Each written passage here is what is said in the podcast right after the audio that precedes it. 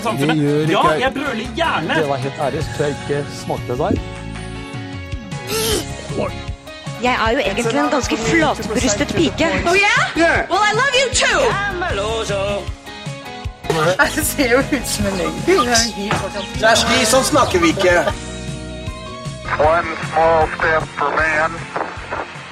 Ja, for en deilig lyd. Det er nemlig lyden av at du hører på Gleden med TV-en, hvor vi ser på TV for deg, sånn at du slipper.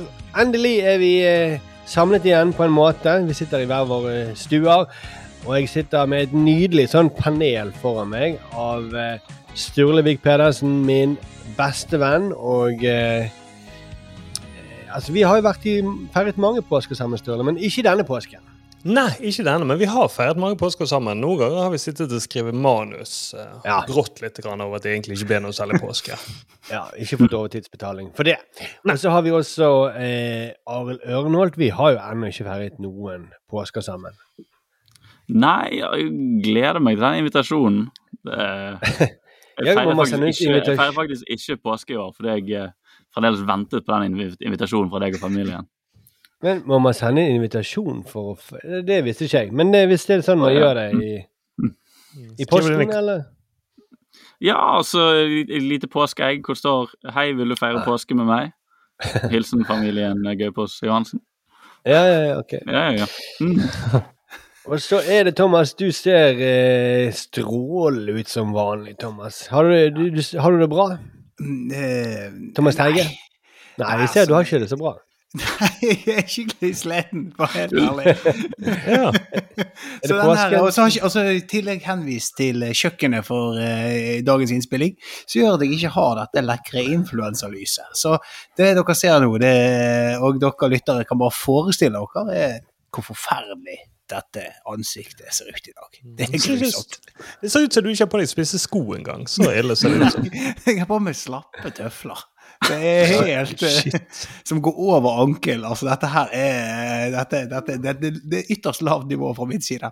Men i Så, eh, reklamebransjen så er ikke det et tegn på at du går på Nav? At du skifter ut eh, spisse sko med slappe tøfler? Jo, det er kanskje det. Det er, i hvert fall sånn, min definisjon. Altså, Det jeg ser er det- Konkurransetilsynet har grepet inn. altså, her er det mange som må gripe inn. Altså, her er det Men her er det Hva skal jeg si, da? Jeg, jeg, jeg føler ingenting kan redde meg nå. Altså utseendemessig, i hvert fall. Men det fine, Thomas, det fine, Thomas, siden du sitter på kjøkkenet, er at du kan trøstespise når som helst. Ja, ja, men jeg prøver jo òg samtidig, så har jo påsken vært eh, altfor hard. Så jeg prøver jo å gå litt på diett. Jeg er på Lifesum, hvis dere kjenner til den appen der du logger maten din og har et eh, lavt kalori eh, eh, Ah, så jeg- Derfor du er så slapp. Ja. Ja, så det er, det, for å si det sånn, det er mye motgang. Det er mye motgang her. Så du må spise. Ja. Ja, du, du må spise for å legge merke til en ting. Jeg vet ikke om det er fordi du har lite energi fordi du uh, slanker deg, eller fordi du er på kjøkkenet, for du snakker litt sånn lavt. Du er sånn hviskete i dag. Ja, jeg, jeg prøver å unngå det, for jeg har så enormt kjøkken. Så at disse, disse skoene har gitt meg et stort eh, kjøkken, så mye romklang. Eventuelt så er det bare høyt under taket. Så jeg prøver å være litt tett på mikrofonen og være litt, uh, okay. litt uh, Kanskje jeg, jeg, jeg lurer på om jeg kler en litt sånn koselig stemme. Arild. Nei, det gjør ikke, det gjør ikke Det det. er faktisk satt litt ut. Det høres ut som du har sneket deg unna at familien ikke skal vite at du er inne på kjøkkenet igjen og fråtser. Nei, nei, jeg går på diett, hele familien. Jeg er ikke inne på kjøkkenet. men må bare hviske litt. Grann. Jeg må bare spille inn en podkast på kjøkkenet, så bare hold dere unna i tre timer. Det er så god klang inni kjøleskapet, skjønner du. Jeg trenger dette vaffeljernet når jeg spiller inn podkast. Det gjør det. altså det Jeg trodde du var blitt syk, men det er bare fordi du er på diett, altså. Ja, jeg sa alltid på rett. Det er bare motstand. Det er bare, og så er jo noe med det, så, altså Påskeferie med familie er jo, eh, det er jo, eh, det er jo utrolig hyggelig, men det er jo en krevende, det er jo en krevende greie. Så skjer det at jeg trenger ferie etter ferie. Det er jo en klisjé, men det er sant. Særlig når du ikke spiser den. Så. Ja, men jeg har jo spist så inn i helvete i ferien. Unnskyld språket, men det er jo det som er problemet her. Eh, Dette her er, dette er cold turkey eh, diettmessig. Kalori Kroppen skriker etter kalorier, men jeg nekter å gi, gi etter. Dette jeg her, synes på en måte, Du har ikke lov til å synes så synd på deg sjøl når du er på diett, Thomas. Du, Nei, jeg har ikke det. Ja, du, Ikke synd i meg. Dette her er selvforskyldt. Det, det må, jeg må ta tak i det nå, for det ender med liksom eh, Hva det heter sånn der eh, Gastrisk bypass, er det det heter? Sånn der eh, man klipper magesekken. Eh, eller snevrer den inn. Jeg er på full fart der hvis jeg ikke stopper der eh, fort. Så her, her, her tas det tak. Men uansett Men det som er, alle kommer til å bli skuffet når de ser meg, for nå får de forventninger. sånn Å, jeg lurer på om han er slank og fin. Nei da. Jeg liker like slapp og vassen som han pleier å være, ja. så jeg, Men- jeg bare jeg gir lytterne en skuffelse hvis de møter meg i livet. Men da, da matcher du på en måte ved, ved at du har et kaloriunderskudd, og jeg, hvis kroppen din er slapp dvassen, og hvis du da i tillegg oppfører deg og dvassen, så matcher jo på en måte personligheten eh, utseendet mer, da. Ja, jeg føler kanskje jeg er i ferd med å bli der jeg egentlig skal være. Det, Den du er født til å være. den jeg er født til å være. Litt sånn Inne på kjøkkenet. inne på kjøkkenet. Men uh, med, med tomt kjøleskap og uh, slappetøfler. Jeg føler at det er sånn her uh, midt i en sånn her eh, En slags reportasje. Hvor han hadde Tesla og influensalys. Nå har han tøfler og er inne på kjøkkenet hele tiden. Og så er det sånn at Men du burde hatt en app som hjelper deg, istedenfor å trekke deg ned i driten. Mm. Ja, ja. Så må du gå veldig nært mikrofonen, for du må hviske. Du hvisker så mye nå når du ikke er i reklamebransjen lenger. Ja. Du blir intervjuet av Lørdagsrevyen, så sitter du og hvisker på kjøkkenet. Du er redd for om familien skal se, oppdage det. Ja. Det jeg hadde kledd, tror jeg, en forvrengt stemme oppi dette her. Det hadde vært det hadde jeg kledd i. Hadde... Men altså, eh, la oss slutte å snakke om Thomas. Det, det er bare Ja. trist. Mm, Veldig trist. Eh, eh, men eh, har dere så Påsken er jo over. Eh, Så dere påskekrim i påsken? ja, ja, ja. Jeg sa jo det, og jeg gjorde det. Du gikk ja. høyt ut og sa du skulle se alle påskekrimene. som Nei, det gjorde jeg ikke. Fire episoder. Alle påskekrimene som hadde fire episoder. Så. Ja, jeg så en eh, fordi at jeg måtte kompensere, da, for jeg så Superkrimen, der du var med, Markus. Det var ja. en fornøyelig opplevelse. Ja. Eh, For eh, våre lyttere som ikke vet det, så var altså Markus Gaupås Johansen med i NRK Super sin påskekrim. Og han var en Ja, jeg vil si at du var gjesteprogramleder, var det du var, Markus? For Supernytt. Ja. Og laget tullenyheter. Og det Ja. var ikke nødvendigvis populært. Jeg, jeg følte helt ærlig at det var litt for tett opp mot sannheten, dette, Markus. ja, det var veldig Mm. tøft. Jeg, jeg var den eneste som slapp å liksom å jeg, jeg sto jo for alt det, alle replikkene i manuset der. Jeg, jeg mente Det var ikke noe problem at folk ikke skjønte at det var tull. Nei, og jeg, jeg støttet deg hele veien. Jeg merket at jeg heiet på skurken i uh, Superkrimen her. Ja, fordi du spiller jo eh, den hovne satirikeren, og som uh, Ja, du er skurken, da, på en måte. Eh, Ja, altså, du, ville, er- ville vært legemiddelfirmasjefen i en helst annen krim. Ja, ja, ja. Altså Det som er greien i Superkrim, er at alle ofrene skal jo på en måte eh, være få som fortjent. da. Du skal, du skal Mm. ikke føle med offeret. Mm. Ja. Sikkert det er for å få barn til å se på da. Ja. Eh, men eh, jeg føler jo at denne gang Nei, Så- Den traff meg midt i hjertet. Jeg, Det var alle andre den som- episoden som eh, traff. Kan du l- røpe litt? Jeg har ikke sett dette. Det er for de som ikke ser på barnekrim. jeg, jeg, jeg, jeg var leid liksom Markus Gaupås Johansen fra Satirik, som lager tullenyheter. Han eh, var vikar i Supernytt, eh, og så hadde jeg da laget en aprilspøk om at Aksel Lund Svindal eh, hadde lansert masse nye produkter eh, med Aksel Buljong og Aksel Asparges og Aksel Ja, Aksel er best, heter det. Ja, så han har ikke laget sånn eh, Aksel uh, smelter litt til gullmedaljen til uh, SIM-kort med Telenor-produkt. Nei, eller sånn Vitaminbjørn uh... ja, sant. Ja, Eller en dokumentarfilm hvor han, som kun handler om at han er best. Det heter vel bare Aksel, gjør ikke det? Så denne her, den var, denne her var langt fra sannheten. Ja, langt fra altså, sannheten. Ja. Så, øhm, og så blir synes han, han er med på det og syns det er gøy. Men så begynner han å bli utålmodig, for nå må du snart si at det er tull. Så sier jeg alle skjønner at det er tull. Jeg trenger ikke si at det er tull. Som er egentlig ekko av alle møtene, alle diskusjonene vi har hatt innad i NRK eh, hver gang vi har lurt noen, vi fire dem. Eh, Ja. Hva skal vi si? Jeg må bare fall. si eh, ja, altså, åpningsreplikken din, Markus, i denne En gang lurte Greta Thunberg. Og da følte jeg meg truffet for klimastøtte der. Jeg følte det var en referanse. Ja, det var, det var ikke i manus. Det var bare sånn, Jeg skulle bare sitte og skryte. Eh, ja, det var gøy. Men- gøy. ikke du selv har skrevet én gang, så lurte jeg Dagsnytt 18. Mm. Ja. Det hadde vel kanskje vært litt for. Mm. Men jeg vet ikke hvor mye dere har sett av disse superkrim. Jeg, jeg følte jeg var ganske heldig med hvilken episode jeg havnet i. Jeg, alle de eh, andre eh, var veldig rare Mange rare eh, Rare premisser der. Ja, jeg så en med han er godeste Viktor Sotberg, hvor han Kristian eh, Christian Strand skal gi han sparken og erstatte han med en robotversjon av seg sjøl.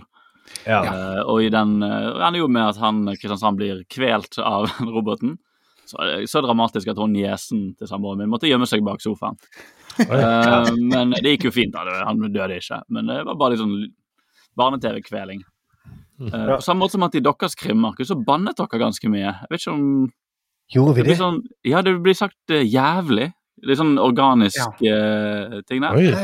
Ja. Hvem, hvem, hvem sa det? Jeg tror Aksel sier det på et tidspunkt. Og dette skulle jeg funnet fram. Jeg husker jeg reagerte på det når jeg så det, men ehm, ja, det er litt sånn at det sniker seg inn. Litt sånn der når man skal gjøre manus litt mer levende for seg sjøl. Ja. Det er jævlig irriterende med det der eh, at jeg, du sier jeg ikke tuller. Og, altså, det, det sniker seg litt inn et par sånne småbanneord. Jeg må, jeg må se igjen. Kanskje til neste Ja, podd. si- Ja, Det må sies at det var Kjersti Grini som hadde skrevet manus og det er akkurat den episoden. Ok. Så det var, det, var, det var egentlig verre ting, men det nektet vi å si. Nei, men altså, det var, jeg, jeg, likte plottet. Så, altså, det var vel at uh, Bård Tufte Johansen hadde trodd det var ekte, og hadde laget vitser på det nytt på nytt og blitt gjort, narr av. Som fordi han var, de lo- var Så begynte Pernille og Johan Golden å le av at han hadde Det var jo trodd på det. Trodde, Ja. trodde du på det? Og så var det da uh, Aksel Lund Svindal som var sur fordi du hadde gjort narr av ham på hans bekostning. Og så var det hun uh, Ja, for det var ikke Redaktøren- det, Ja.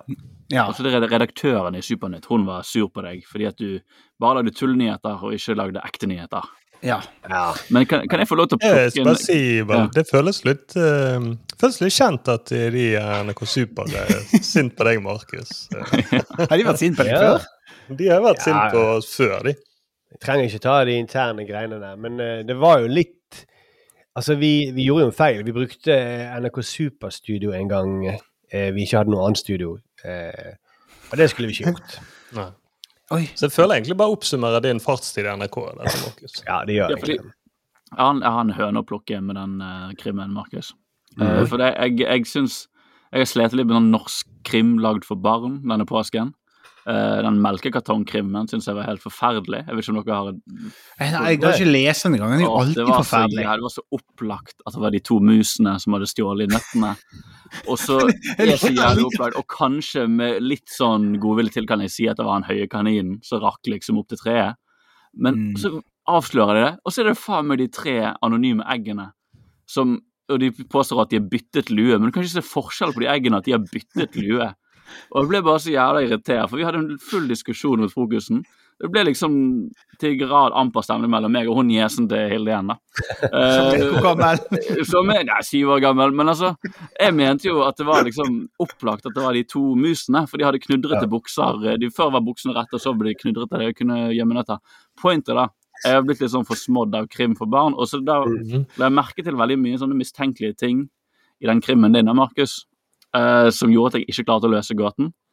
Ikke si min krim, da, men uh, Eh, Det det er ditt tryne på han, så du må dessverre bære dette korset. Det må du bære. Okay, Ja, du, Jesus, ja, du er litt Jesus akkurat nå. Ja, Må, ja, ja. må lide litt for andre sine synder. Mm. Uh, et par mistenkelige ting. Det ene jeg synes var veldig mistenkelig, som gjorde at jeg ikke helt klarte å skjønne det, var at Du, nå Eh, leser du opp. Du, du har forberedt deg. Jeg har en angrep. jeg har en liste. Ja. Dette var ikke, det var ikke meningen å ta dette opp Nå må du var sånn må du skulle ta bli. rette for. Dette var ta avstand fra Markus og hele krimmen Ja, fordi når du lager krim, du kan ikke ha så mye mistenkelige ting som, gjør, som ikke har noe med faktisk løsningen å gjøre. Det første som veldig, synes var veldig mistenkelig, var at NRK anerkjenner Satiriks. Ja, det var veldig det, det, ja, det var utrolig mistenkelig. det reagerte jeg veldig på. NRK her, NRK har, det er noe muffens med NRK. Institusjonen NRK. Fordi altså, Satiriks har blitt invitert til Supernytt, og folk som snakker om hvor kul Satiriks er. og Det var virkelig sånn, det syns jeg var veldig mistenkelig. Veldig rart etter de har lagt ned Satiriks også.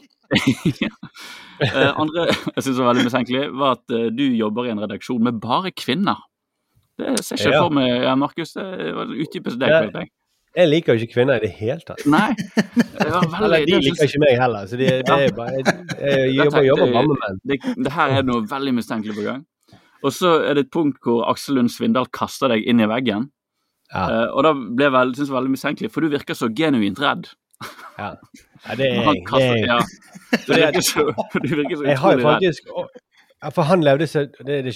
Han levde seg veldig inn i akkurat den rollen. Og jeg sa liksom ja, du bare ta litt i. Ja, OK. Og så Han er jo dritsterk. Men jeg har jo et, opp, jeg har et opptak på telefonen her fra. Kanskje jeg kan spille det av. For vi Mm. tok jo I den serien, scenen så må jeg ta opptak av hva han sier. Og da går det litt langt for han. Han blir så giret. Så han, han klepser meg i trynet flere ganger. Skal, du- skal, skal du høre? Han hater det, var ikke en vits, det var ikke en vits du hadde fortalt om kona hans, var det? Skal vi se. Skal du være verdens største egoist? Se på meg. Oi. Jeg har lyst til å gjøre hele tiden. Hørte dere det? Ja, han klapset seg. Jeg begynte å le ondskapsfullt. Ja, det var ganske hardt da. Så, så alle scenene etter det, så skvett er jo livredd for hva han skal gjøre, liksom. Jeg synes, kan, kan vi høre det igjen? For jeg syns at du høres ut som Det er liksom sånn Du kamuflerer gråt? Er det det du gjør Ja, ja. litt der? Du er ekspert på uh, Det takes er, det er jeg god på. Det er jeg Det jækla var god på. latter, men jeg Hei, se på meg.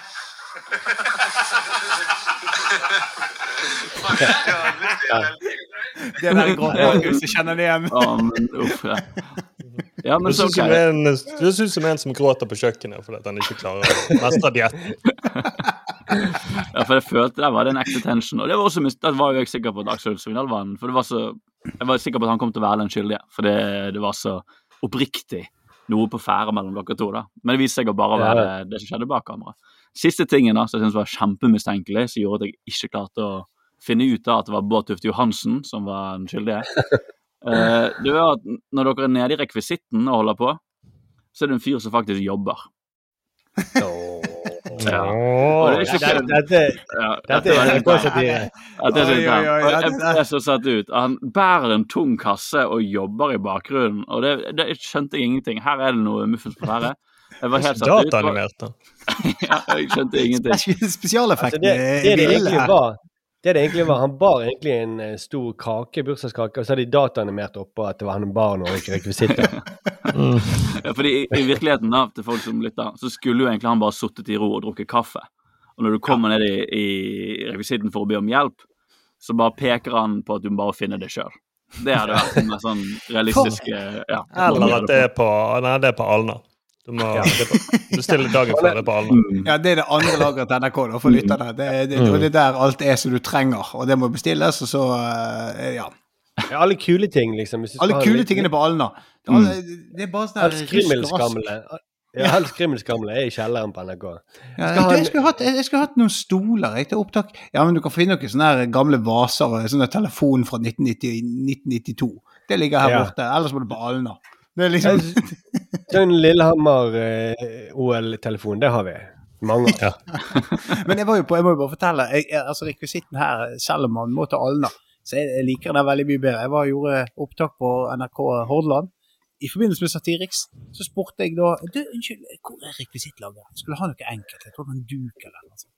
Så sier de ja, rekvisittlageret, det er her borte. Så viser de meg rundt, og der er det kontorrekvisitter.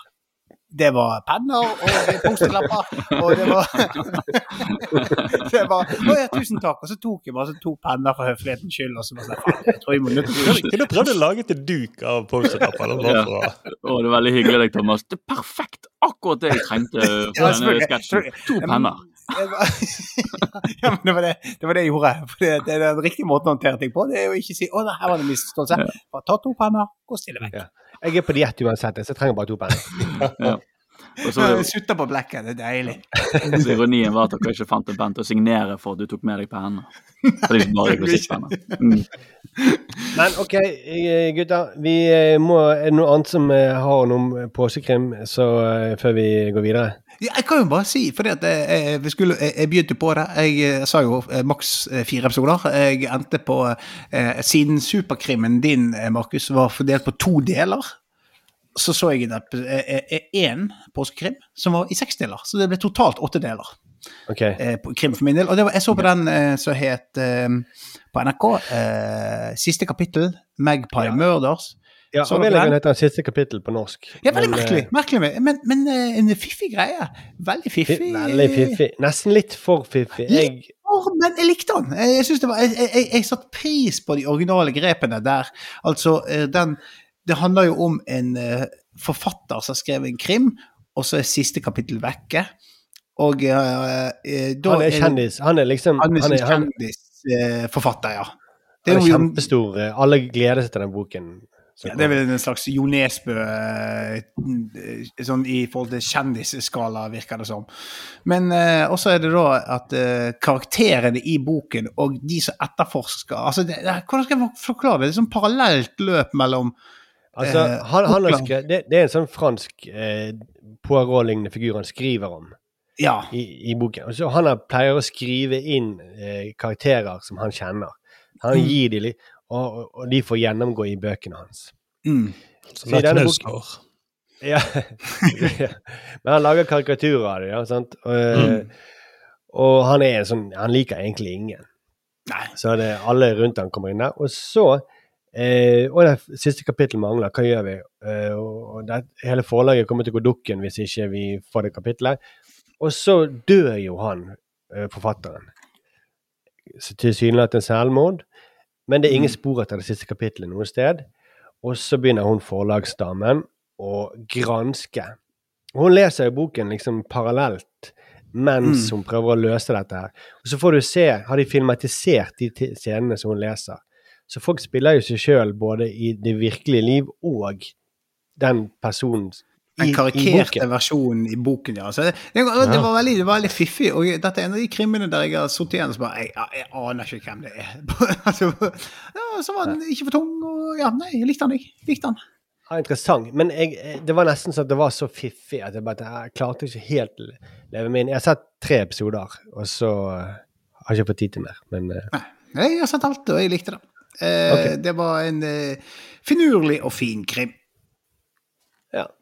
Ja. Det, det, det var en eh, kjedelig avslutning på en anbefaling. Det Glad, var glad på dine vegne, Thomas. Ja, Veldig glad. Jeg er glad på dine vegne. Ja. OK, vi går i gang med TV-uken.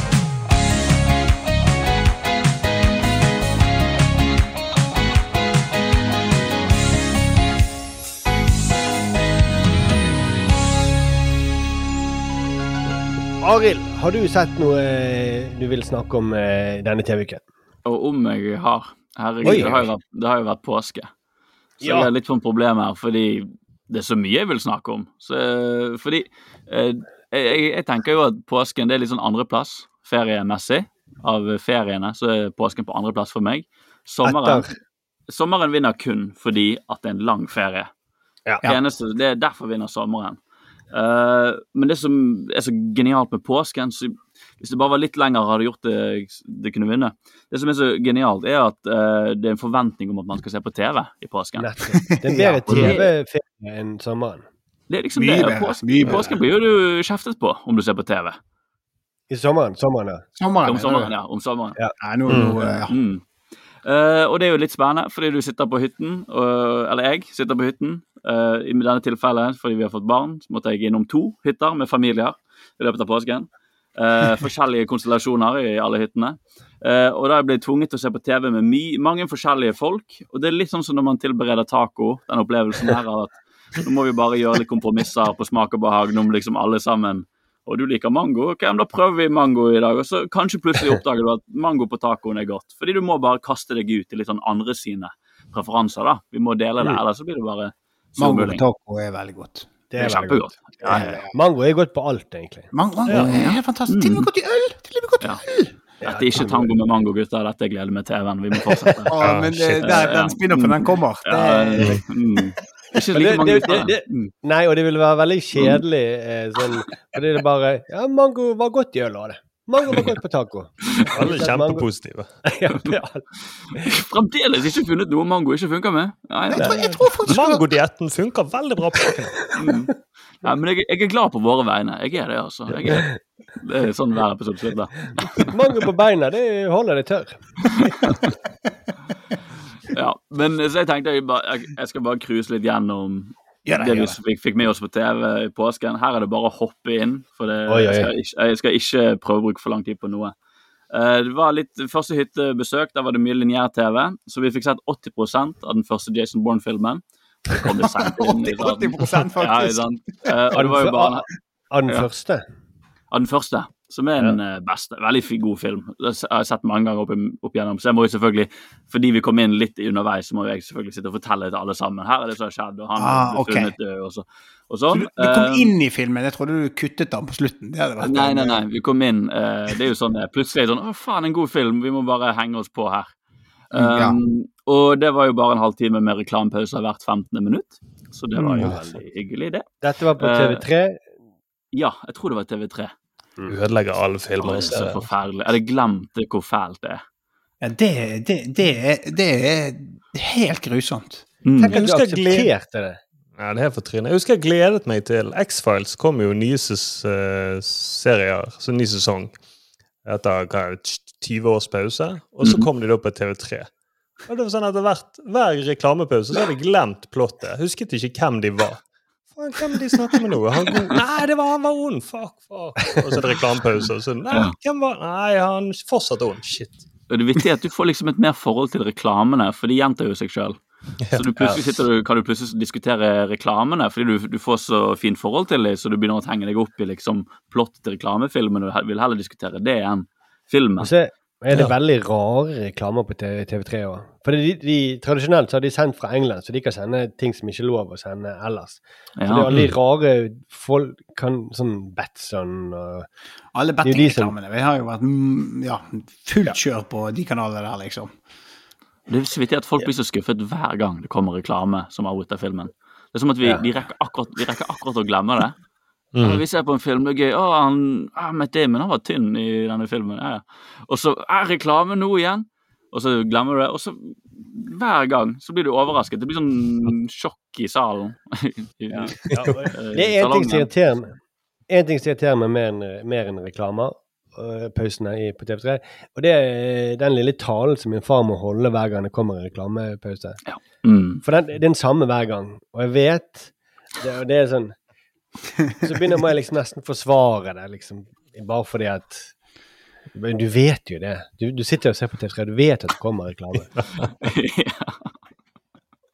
Du blir litt nummen til etter hvert. da. Dette var en, liksom, Til å begynne med litt sjokk, og så blir du bare nummen. Sett altfor mye reklame, og plutselig ser du på Coop Mega av en eller annen grunn. og Handler alt du trenger til på hele påsken. Jeg vil bare Eh, skyte inn veldig kjapt. for det, når TV 2 begynte med reklame, så var det én reklame som gikk igjen og igjen. Og den var, en- hadde et slags, et slags poeng. Da. Han sa, de sa at reklame på TV er et fint tiltak, for da kan du gjerne da kan du reise deg fra sofaen og løpe og ta deg noe godt å spise mens reklamen pågår. mm. Og det er jo litt sant, eh, på en måte. Det var reklame for noe kjeks eller knekkebrød eller Mm, stemmer. Kan jeg eh, skyte inn en eh, digresjon her eh, om en Fra litt reklame. Nei, sånn der, ja, litt reklame og TV-bransje. For det, det er jo veldig få som etter hvert ser reklame på TV. Og i Finland så var det en kanal som gikk til et reklamebyrå. Så spurte de kan dere hjelpe oss å lage, få folk til å se TV-reklame. Og det de gjorde, var å lage en sitcom om et reklamebyrå som laget reklamer. Og så brukte de de reklamene som de laget i serien, som Shit. reklame. Og det var jo selvfølgelig et elendig reklamebyrå. Det var alltid gale under innspillingen. Og det var helt, helt genialt, for det at eh, Det var jo da Jeg vet at de laget for Biltema og McDonald's, og, eh, og eh, i hvert fall de to jeg husker, da. Og da finansierte jo de eh, TV-episodene. Så de, Ja. det var 100% reklamefinansiert sitcom. Der da sluttresultatet i sitcomen ble brukt som ekte reklame. Og det var jo, Han ble veldig populær, den serien. 'Brenderit' het han. Eh, vant masse priser eh, i reklame. Reklame, reklame. Ja, ja, faktisk. Fordi at, men det var ganske smart tenkt av reklamebyrået. De gikk til eh, Fremantle i, eh, i eh, Finland og fikk hjelp. Ok, Så det var det- smart. det var- slu. Smart da- Jeg vil si at det var fiffig og fint. Ja, har for sleipeste reklame. Ja, jeg kjenner at eh, Ja. det tripper i tuppene her. Ja, fordi, I reklamebransjen så sier de at Luke, Loke eh, eh, at han er Han er den beste. Ja, han er fiffig. Han er ikke fiffig, han er jo en eh, sleip ål. Nei, nei, Men, eh, fin fyr, eh, smart, eh, vet hva han vil og får det til. Yes. Jeg Ja, unnskyld, videre. Kryss, Det var en fantastisk digresjon, eh, Thomas. Ja, jeg, jeg håper det. det beklager Ja, ja, ja. til alle lyttere. Hele podkasten, kjente jeg. Ja, ja. Eh, vi, fikk, vi så hele uh, so Then Came Polly. Ben Stiller og Jennifer Aniston romantisk komedie fra 2003. Oi! Forventer ikke veldig mye debatt rundt denne filmen her, men eh, I filmen så viste det seg at men, eh, men, men er han bra? Du, det eneste som, ja, for det eneste jeg synes var fascinerende med den, for den kom fra 2003, og det er så tydelig at folk flest som så på film der, ikke hadde plukket opp på den moderne, tradisjonelle romcom-formelen. Uh, fordi manuset slipper liksom unna med så syke ting. Uh, for å bevise det, da, på et tidspunkt så sier Jennifer Aniston sin figur, dette er ikke tull, dette er, akkurat, dette er faktisk det hun sier, hun sier dette vil aldri funke, jeg er så vimsete og fri i sjelen, og du er jo så ryddig og ordentlig. Altså, det er liksom, det sier hun. Liksom. Det, er ikke, det er oppskriften til alle romantiske komedier. Bare de, de, de tok det ikke i undertekst. De tok ikke, hun sier det bare rett ut. Uh, ja, det er liksom sånn, eh, Ja. ja, sa hun helt til slutten Men vi får jo begge høye honorarer for dette. Så shit, Dette betaler for eh, det ene og det andre. Eh, det er liksom en romkonversjon av å ta sånn 100% ren kokain. Du bare får det sånn Å, det er liksom det reneste du kan få det, da. Uh, Jeg prøver ikke å late som at det er noe annet enn bare en formel. Ja. Eh, vi gjorde også et Og snart skal vi på flyplassen. ja.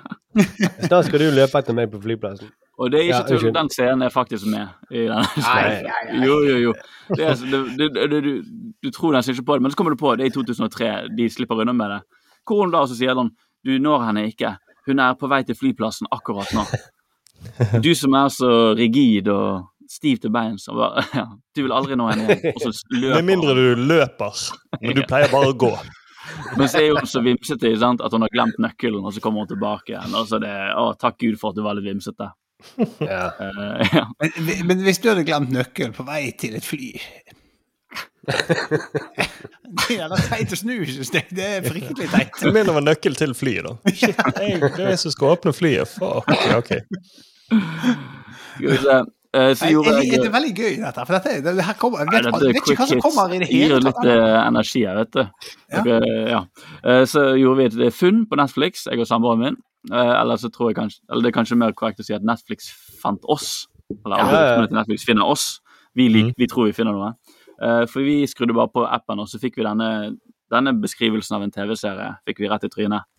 Med et filmteam på slep går barn æren helt alene for første gang. Ja, I denne populære ja. reality-serien som har rullet det godt på japanske skjermer i en årrekke. ja, ja. Har dere fått med dere denne? Nei, ja min samboer ville veldig gjerne se den. Eh, Det sto mellom den og påskekrim, og så prøvde vi oss på påsekrim. Altså. Angrer på at jeg ikke Ja. Angrer på at Du ikke så den eh, japanske. Ja, for den heter da Mitt første ærend. Og det er akkurat det de beskriver. Det er barn som går sitt første ærend. Her snakker vi barn ned i to, tre, fireårsalderen. Og det er noe av det mest eh, Altså, det er kanskje det beste jeg har sett på TV noensinne. Oi, helsike! Jeg, jeg har nesten ikke lyst til å si mer, for jeg ser for meg at hvis dere Det er ti minutters episoder. Det er veldig korte episoder. Hvis dere ender opp med å se det, så kan vi gå skikkelig dypdykk inn i det. For det er utrolig mye moments og smarte valg og interessante ting. De holder på, fordi dette har blitt en suksess nå, så holder de på å lage en britisk variant av dette også. Uh, så det Men du kan ikke skal- gjøre det i forstedene i Manchester. I, i, i, du kan gjøre det i Japan hvor det ikke er noe kriminalitet. og folk er vennlige. barn. Eller britiske barn i Portugal. Det jeg er vittig, fordi barna Og de japanske barna er så høflige også. Det er helt utrolig hvor høflige og greie det er. De liksom, og de blir venn med fremmede, og de fremmede hjelper dem. Og så er de så høflige og sier 'tusen takk for hjelpen, mister', nå skal jeg gå over denne bilveien. Og det går helt fint, fordi de er så flinke, og de har med seg sånne små flagg som de veiver til bilene, så de klarer å gå over en bilvei helt alene når de er tre år gamle. Altså, det er fantastisk. Så Ja, ja. jeg vil bare si det, sjekk det ut, så kanskje vi kan snakke mer om det i framtiden. Hvor kan man få tak i sånne små flagg, tenker jeg på? Eh, Det kan være sin egen sånn trafikkpoliti, da, på en måte. Eller Det er jo fantastisk. Oi. Nei, det er Markus Hoppet Markus ut, men han kom inn igjen. Ja, kom igjen. Ja. Kanskje vi klipper det ut eh, at det skjedde, eller kanskje ikke. Kanskje ikke. Kanskje ikke. Litt magi der. Eh, Men du, men du, du zappet videre. Vi zapper videre. Nå zapper vi oppover til hytten til foreldrene mine, hvor det ikke er internett, men det er en haug med DVD-er. Eh, og da er det bare eh, Debatten kan begynne på hva man skal se. Uh, jeg endte jo opp med å se eh, Magnolia, som er av Paul Thomas Anderson. Han lagde Boogie Nights og There Will Be Blood. Um, Og da uh, trenger du ikke reklamepauser uh, når du ser DVD, når du ser en film som er tre timer lang. Uh, som uh, Jeg vet ikke om man trenger å si så mye mer om den filmen. Har man sett den, så skjønner man Den er tre Det- timer lang. Det jeg lurer på, er bare Så dere ekstramaterialet på DVD-en etterpå? Nei, det gjorde ikke vi. Fordi da var det så seint. det var ingen rom for å utforske, så vi fikk jo ikke den fulle DVD-opplevelsen, egentlig. Eh, Men det var veldig nostalgisk og fin følelse å klikke oss frem til Play Movie og finne teksten først, og passe på at den var på engelsk da, i dette tilfellet. Eh, Så det var en nostalgisk og fin opplevelse. Var det sånn DVD som kjøpt på sånn eh, ah, Nei, jeg har en onkel som har vært i Thailand, som har kjøpt 400 filmer. Og alle tekstene eh, Var det en sånn DVD du har? Siden Ja, dere har filmet fra fjerde rad. Du ser liksom at det sitter folk foran han som filmer. Ja, ja, Det var en greie, altså. Det var, det var en gøy Det var en gøy trend. Det var en gøy- kul trend. Ja. Ja, det var, husker jeg de kuleste vennene var jo de som hadde de DVD-ene. Jeg vet. Jeg så Johnny English på en sånn med Hos Jeg så JC. Die Hard 3 på en videokassett smuglet ut fra eh, New York. Noen har fil smugfilmet Eller jeg vet ikke om det var New York, men det var i hvert fall i utlandet. Så han ene på skolen hadde sånn tilgang til sånne forhåndsinnspilte filmer. Han hadde en onkel i uh, USA. Det var det det var, ja. Som filmet. Han, det var han som hadde den berømte onkelen i USA, som fiksa alt. Det var faktisk en onkel som kan linkes til bergensmiljøet. Men det er veldig Det gøy at hvis du har en onkel i USA, så får du han til å filme kinofilmer. Altså, det syns jeg er veldig fint.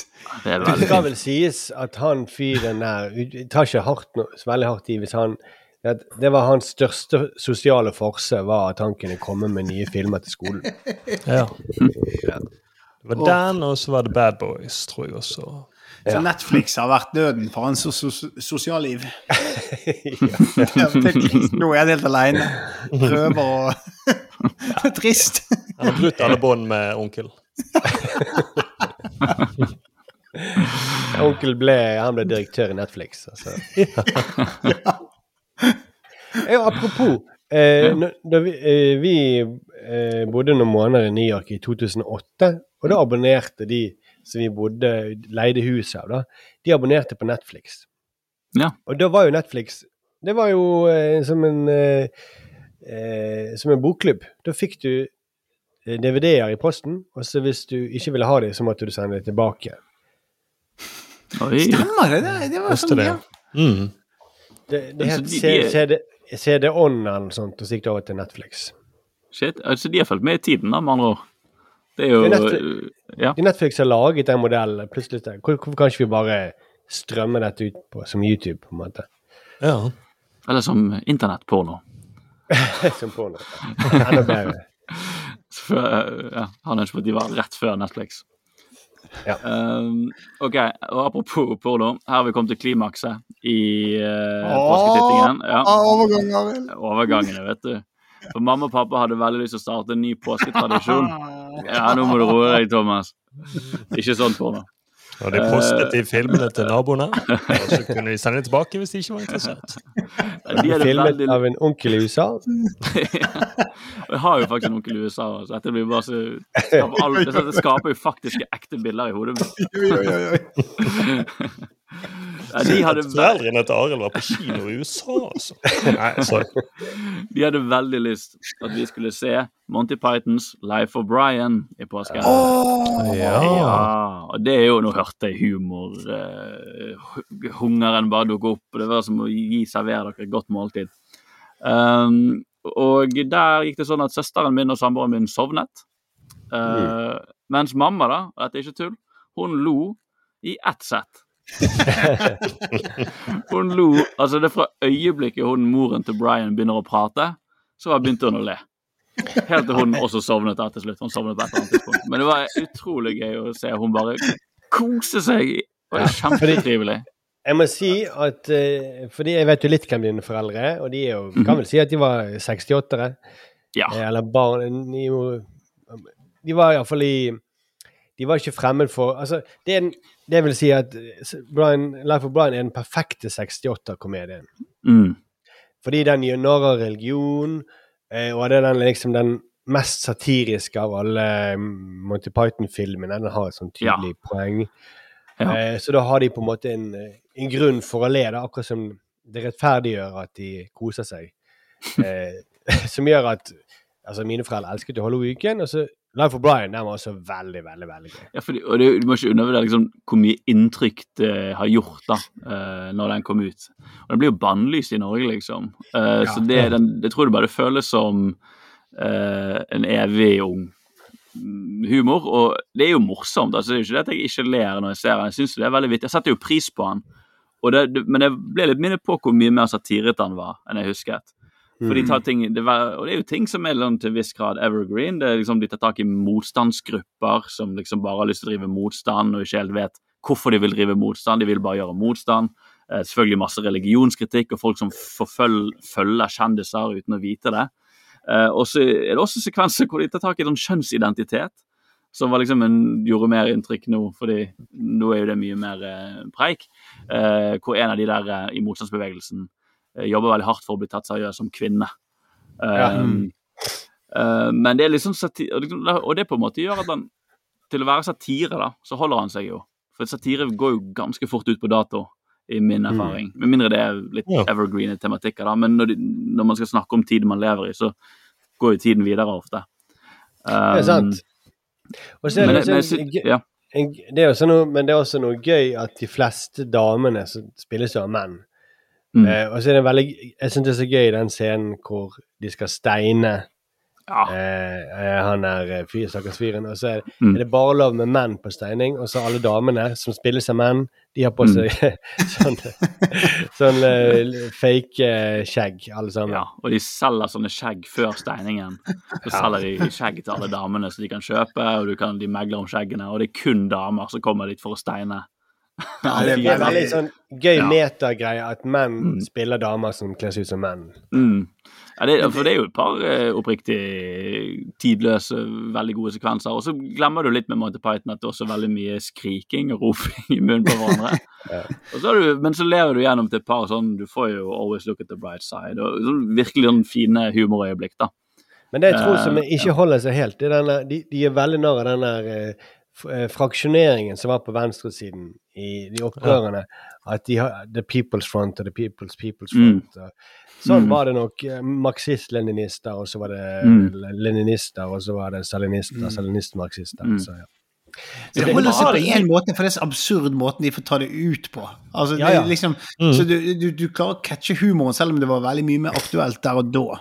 Ja. Så jeg, det holder seg likevel. Det Altså. holder seg, det er bare at det, det, det er en ekstra lag der for de som Ja. levde gjennom det, tror jeg. Helt til Ja, men du ser det nesten nå også, da. Men en del sånn her Hvem skal kan eh, uttale seg om rasisme, osv. Så, Mm. Ja. så blir du veldig oppdelt. Og kan man få lov til å eksempel, Noen mener jo at man kan Hvis du identifiserer deg som en kvinne, så kan du være en kvinne, men hvis en hvit person identifiserer seg som en svart person, så blir det plutselig krasj. Mm. Og tilsvarende ja. i drag-miljøet, hvis du er en dame, kan jo kle seg ut som en mann og gjøre narr av en mann i dragshow, eller omvendt. Eh, men kan de kle seg ut som en svart mann? ja, da blir det plutselig Ja. eh, det, det er jo en, store, en av de store diskusjonene i drag-miljøet. Men det går jo faktisk I den filmen så er jo det et av poengene også er at en i denne motstandsbevegelsen også sliter med å finne ut hvilket kjønn han har. Eh, Ja. Og vil bli, prøve å finne ut om han er kvinne eller ikke. Og så blir han til slutt akseptert som kvinne.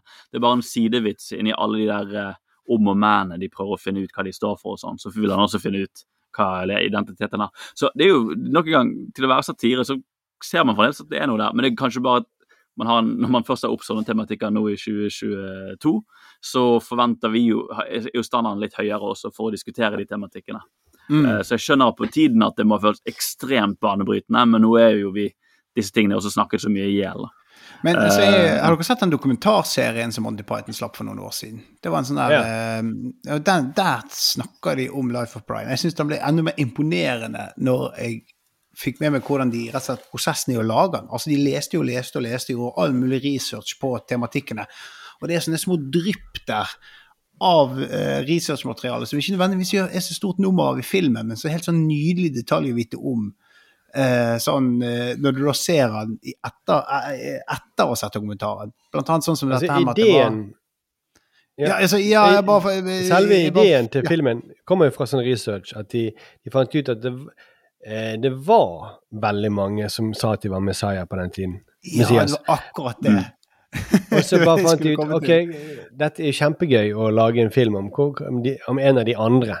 Som, Ja. Mm.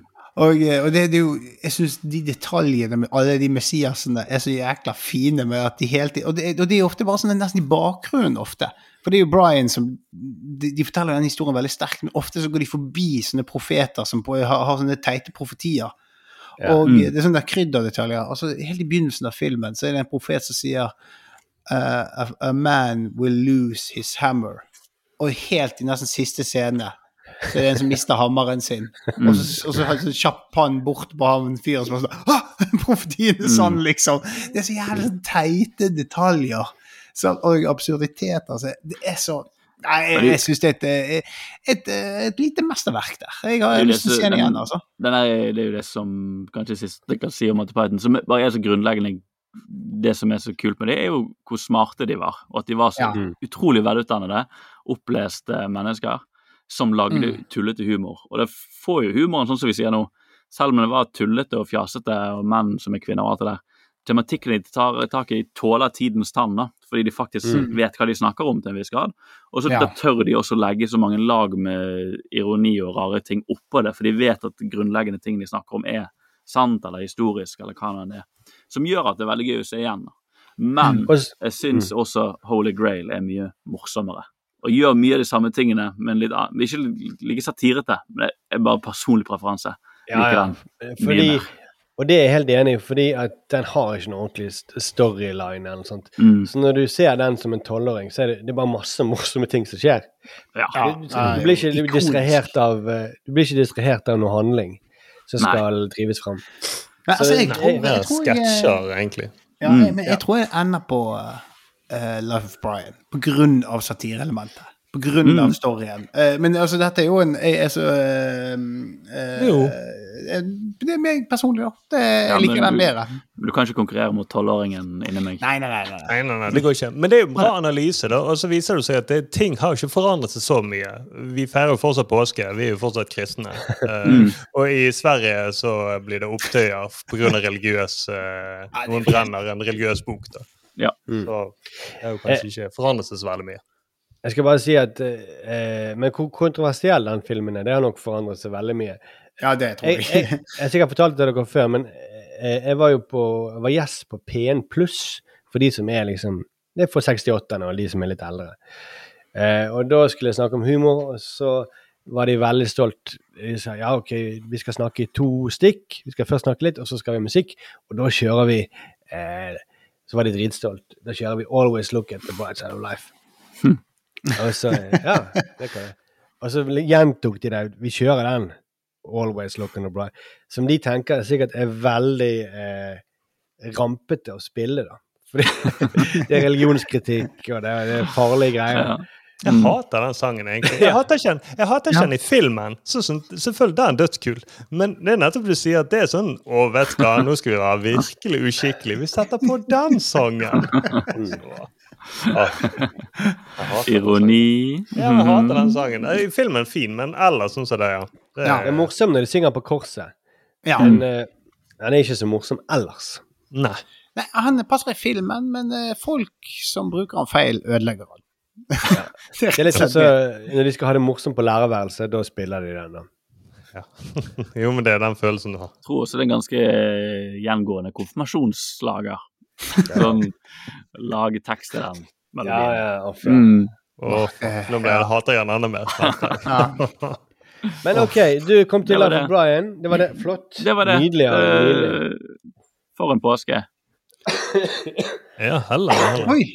Det høres ut som du har hatt en hel sommerferie, egentlig, Arild. Alt det høres nesten som det. Ja, ja. Var irritert på å gå ut. Ja. Mm.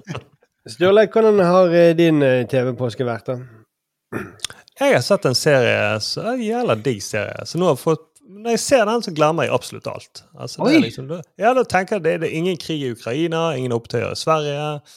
Ja, Brann er ikke i Obos-ligaen. Thomas har ikke et tragisk liv. Alt er jævla digg. Jeg har sett eh, Marvel-serien serien Moon Knight på Disney pluss. Yeah. Ja, den er faktisk jævla fet. Mm. Med eh, For meg ikke så kjent skuespiller, men han har jo spilt mye. En som heter Oscar Isaac. Yeah. Han er da, yes, han er da kjent i de nyeste Star Wars-filmene. Mm. Vet ikke om du kjenner han Poe Dameron. En helsikes pilot. Nei, jeg husker ikke hva han var. Jeg spilte i Star Wars. Jeg tror han er pilot. Han må jo være en pilot. Han var med de gode, så det er han som oftest en pilot. Mm. Men den er jævla fet. Altså, den første episoden. Den, eh, den ga meg en følelse litt av Jeg tror til og med du ville like den, Markus. Det får en følelse av Memento og Fight Club. Oi, oi, oi. Ja, det gjelder fin start på den. For man skjønner jo at eh, sier du bare liksom de to To av mine yndlingsfilmer, bare for å Ja. Det ga meg det følelse de- av Memento, ja, Memento Fight Club. Og eh, tonsatt av Oasis. og eh, hvis du Litt, bak, eh, bakgrunnen Litt eh, Ace Ventura òg, kanskje? Litt Ace Ventura, og du ser eh, Alex Ferguson, den, eh, den yngre på 90-tallet, ser du han i bakgrunnen. så akkurat perfekt for deg. Nei, men eh, I denne filmen serien så skjønner du at hovedpersonen Steve han har søvnproblemer. Fordi han da våkner i sengen med den ene foten lenket fast til sengebeinet. Han har masse sand rundt sengen for å hele tiden sjekke om han har tråkket ut av sengen i løpet av natten. Han har også sånn maskeringsteip på dør og dørkarm for å se om han har åpnet døren i løpet av natten. Og han er konstant trøtt, og hver morgen så våkner han med et rykk. Og så er det en del ting etter hvert så er det en del ting han ikke husker at han har gjort. Så sa han Steven, som han heter da, han skal på date med en søt eh, kvinne på jobben som han eh, aldri husker at han har invitert ut. Og de skal på Steakhouse, selv om han er veganer. Men når eh, fredagen endelig kommer, så dukker hun ikke opp. Så ringer Steven henne, og så får hun får bare høre ja, hvor det er blitt av. Og så svarer hun da surt at eh, hun var på Steakhouse hun, for to dager siden, og i dag er det søndag. Og så kjenner jeg Steven shit, nå har det begynt å rakne litt for meg. Og de tingene som han har trodd og håpet bare var drømmer, skjer i virkeligheten. Skal jeg ikke si mer, da, for kanskje hvis dere ser serien, så blir det Det, det er en fet serie, rett og slett. Ja, Hvor mange episoder snakker vi her? Uh... Nei, Jeg har sett De slipper jo de nå Jeg tror den tredje kom nettopp ut. Jeg har sett de to første. Mhm. Og det er ganske kul, han Oscar Isaac. Han ser litt ut som en sånn uh, Han ligner litt på han Adrian som vi har hatt med i Satiriks. Han ser ut som en Men han er dette selger ikke meg til Nei, nei, nei. Og, nå, og, og det kommer ikke til å Altså- selge nå, for det jeg skal, jeg skal si nei, Adrian. Adrian, jeg skal bare si Adrian er en grei fyr, men jeg er ikke sånn fan av han. Nei, nei, nei, nei, nei sant. Men har du sett han uh, tonsatte Oasis? For det er ganske Det er for øvrig en veldig gøy ting å si på en podkast. Han ligner på han eh, Adrian som vi, vi jobbet med. Men han han er argentiner. Og han ser jo litt Han ser jo søramerikansk, men han ser ut som en søramerikansk Hugh Grant. Ja. Ja, for Han er ganske forvirret, men samtidig så snakker han med britisk aksent. Han jobber da på Historisk museum i London. Um, men det som er kult med han her skuespilleren, er jo at han kan jo også se ganske bad ut. Jeg husket ikke, men en av mine yndlingsfilmer er Drive med Ryan Gosling. Ja. Som noen har sett Ja, han. fantastisk. En jævla fet film. Og der er han Oscar Isaac. Han er en av eh, han, Der er han med, og det er jo egentlig han som på en måte dytter hovedpersonen inn i den der eh, voldsspiralen. For, Ah. eh, og det er han som er skinnet. Og da ser han ut som en meksikansk gjengmedlem. Veldig sånn allsidig eh, uttrykk. Men også er med, i- X-Makena, hvis dere har sett den. Nei, jeg har ikke sett den. En av mine favoritter. ja. Ja, der spiller han en veldig god eh, figur. En av de få figurene som er i den. Og så i Han har spilt så mye forskjellig. Det er noen Inside Llewellyn Davis med Jolie, Jolin Ethan Cohen sin film. Og selvfølgelig Star Wars, da, som har gjort at han har kommet inn i dette Disney-universet. Ja. Um, Jeg har jo vært litt sånn, jeg har også sett denne serien, Ståle, og Ja. eh, liker den også veldig godt. Fordi jeg har egentlig vært litt lunken på de Marvel-seriene i det siste. Jeg synes de Ja, ja, ja. liksom føles som eh, Jeg har et sånn rart forhold til det. Jeg føler liksom at jeg må se det litt sånn hjemmeleksefølelse og henge med. Og Mm. er det blitt litt sånn at jeg bare gidder ikke gjøre leksene lenger. Jeg gidder ikke se på det fordi at hva får jeg egentlig ut av dette? Trenger jeg den informasjonen i det virkelige liv? Litt den følelsen der. Men da Som får du eh, anmerkning. Det er sånn det føles hvis du, hvis, hvis du ender opp i feil samtale med feil folk, så er det sånn Har ikke du sett Hawkeye?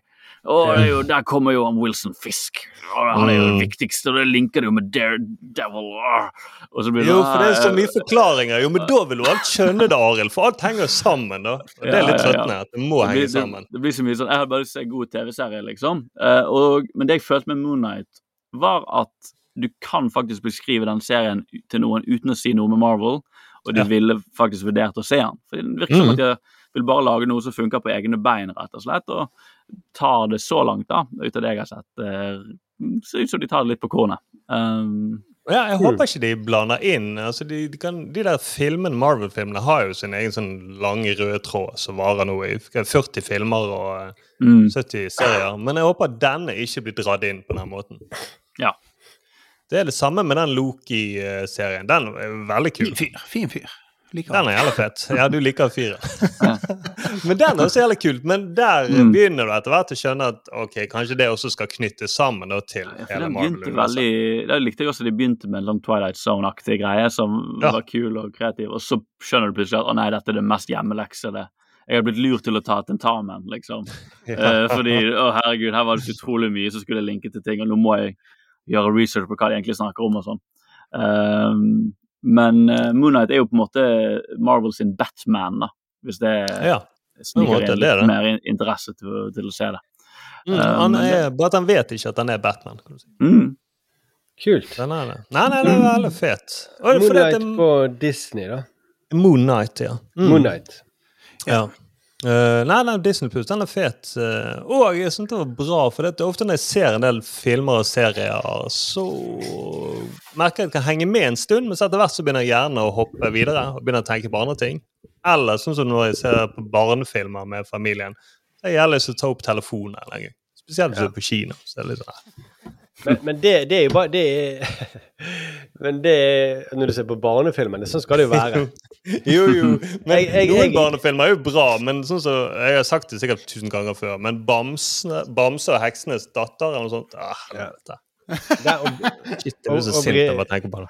Brillebjørn eh, på kino. Ja, fuck. Ja, jeg så, Men- jeg så Sauen Shaun the Movie på kino. Den, Men den er jo bra. En gang til. Den var dritfett. Han var så Ja, så, gøy. da er det jo fett, da. Ja, men det var, Ja. det var så helt, helt nydelig film. Eh, så jeg anbefaler til alle. Eh, Se den. Ja, men det, eh, da er det bare en bonus. Du, du begynte å ha det liksom som et krav at Anna, at uh, Tassen-bøkene Jeg leser jo ikke de for meg sjøl, selv, selv om min sønn liker de bøkene. Det er bare en bonus hvis, jeg skulle, hvis det er noe gøy i Tassen som jeg liker. Det, Mm. det er jo ikke noe Ja. gøy i Tassen, men uh, ah, Jeg på en sånn være kjempebrøler. Det skal være litt til pappa, vet du. Det skal være litt til pappa. må være noe. Eller, Ja, men det bare, Jeg, her, du skal ikke en gedigen brøler på eh, valg av film. Eh, jeg, jeg, jeg visste det skulle komme en ny Paw Patrol-film, som er ja, Det er ikke min eh, favoritt-barne-TV-serie. Men eh, så jeg så i kinoprogrammet at å ja, det er den. Og så skulle jeg ut med han ene sønnen min. Vi skulle ha litt kvalitetstid, meg og han. Så tenkte jeg tar med meg på kino. Å, det er Paw Patrol står på kinoprogrammet, jeg kjøper den.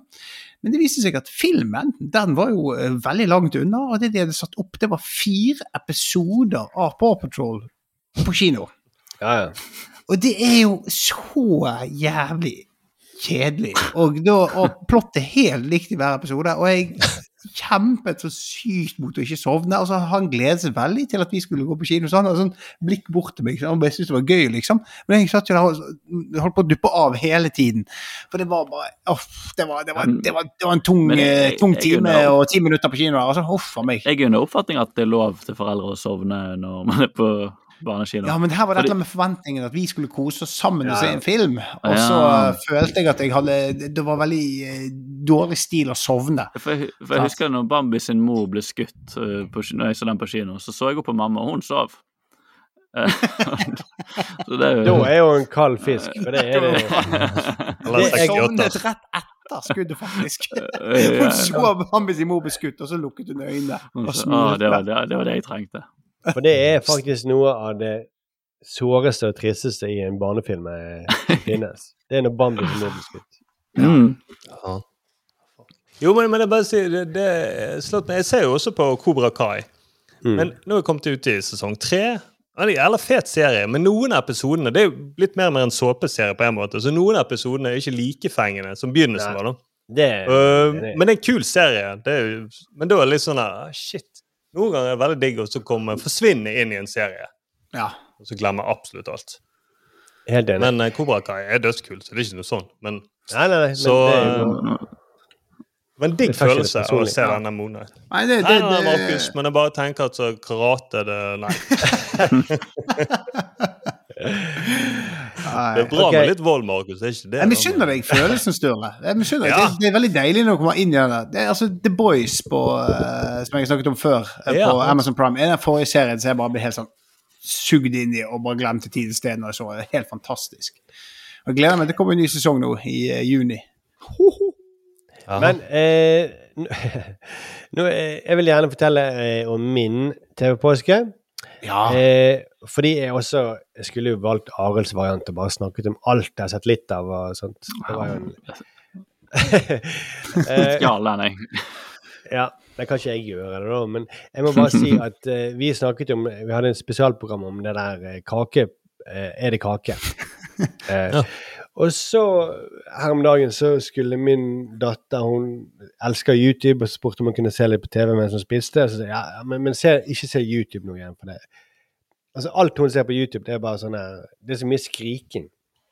Det Ja. Monty Python gang i tid. Det er bare Alt som er laget for barn på den alderen. Det bare wow, wow, wow, Hele tiden ting som skjer. Og så, ja, så så hun på Netflix, og da dukket det opp på hennes profil, eh, anbefalt for henne, Kakeprogrammet. Som hun syntes Mm. Det så kult ut. Så hun så jo flere episoder av det. Så de virker som de har rebrandet det til et barneprogram, eh, og at det funker. Eh, og så Var det dubbet, da? Nei, men hun skjønner engelsk. Det Eh, kan jo hende det alltid var et barneprogram, og det ikke var meningen at vi skulle se på det. Vi lager men jeg, jeg, har at, jeg har skjønt at det er en trend. Er noe, er flere som gjør det. Ting som flopper. For eksempel, jeg hørte at Familien Lykke, eh, som eh, den komiserien som NRK lager Mhm. Det var ingen voksne som liker det. Men barn elsker det. Så NRK Super Ja. har tatt over ansvaret for produksjonen av Familien Lykke. Ja, men, men det, Det det logisk. tenkte jeg at, eh, at dette var jo en NRK Super-serie. Det var altså, for, for, for øvrig eh, jeg, jeg, jeg hadde, Det var jo en hype rundt hvor dårlig den serien var. Men det er få ganger jeg har sett noe med en så lav forventning og likevel blitt helt sjokkert over hvor dårlig det var. Altså, herregud, så Men betyr det at NRK. Super har tatt over uh, Satiriks også? Er det det som What the fuck?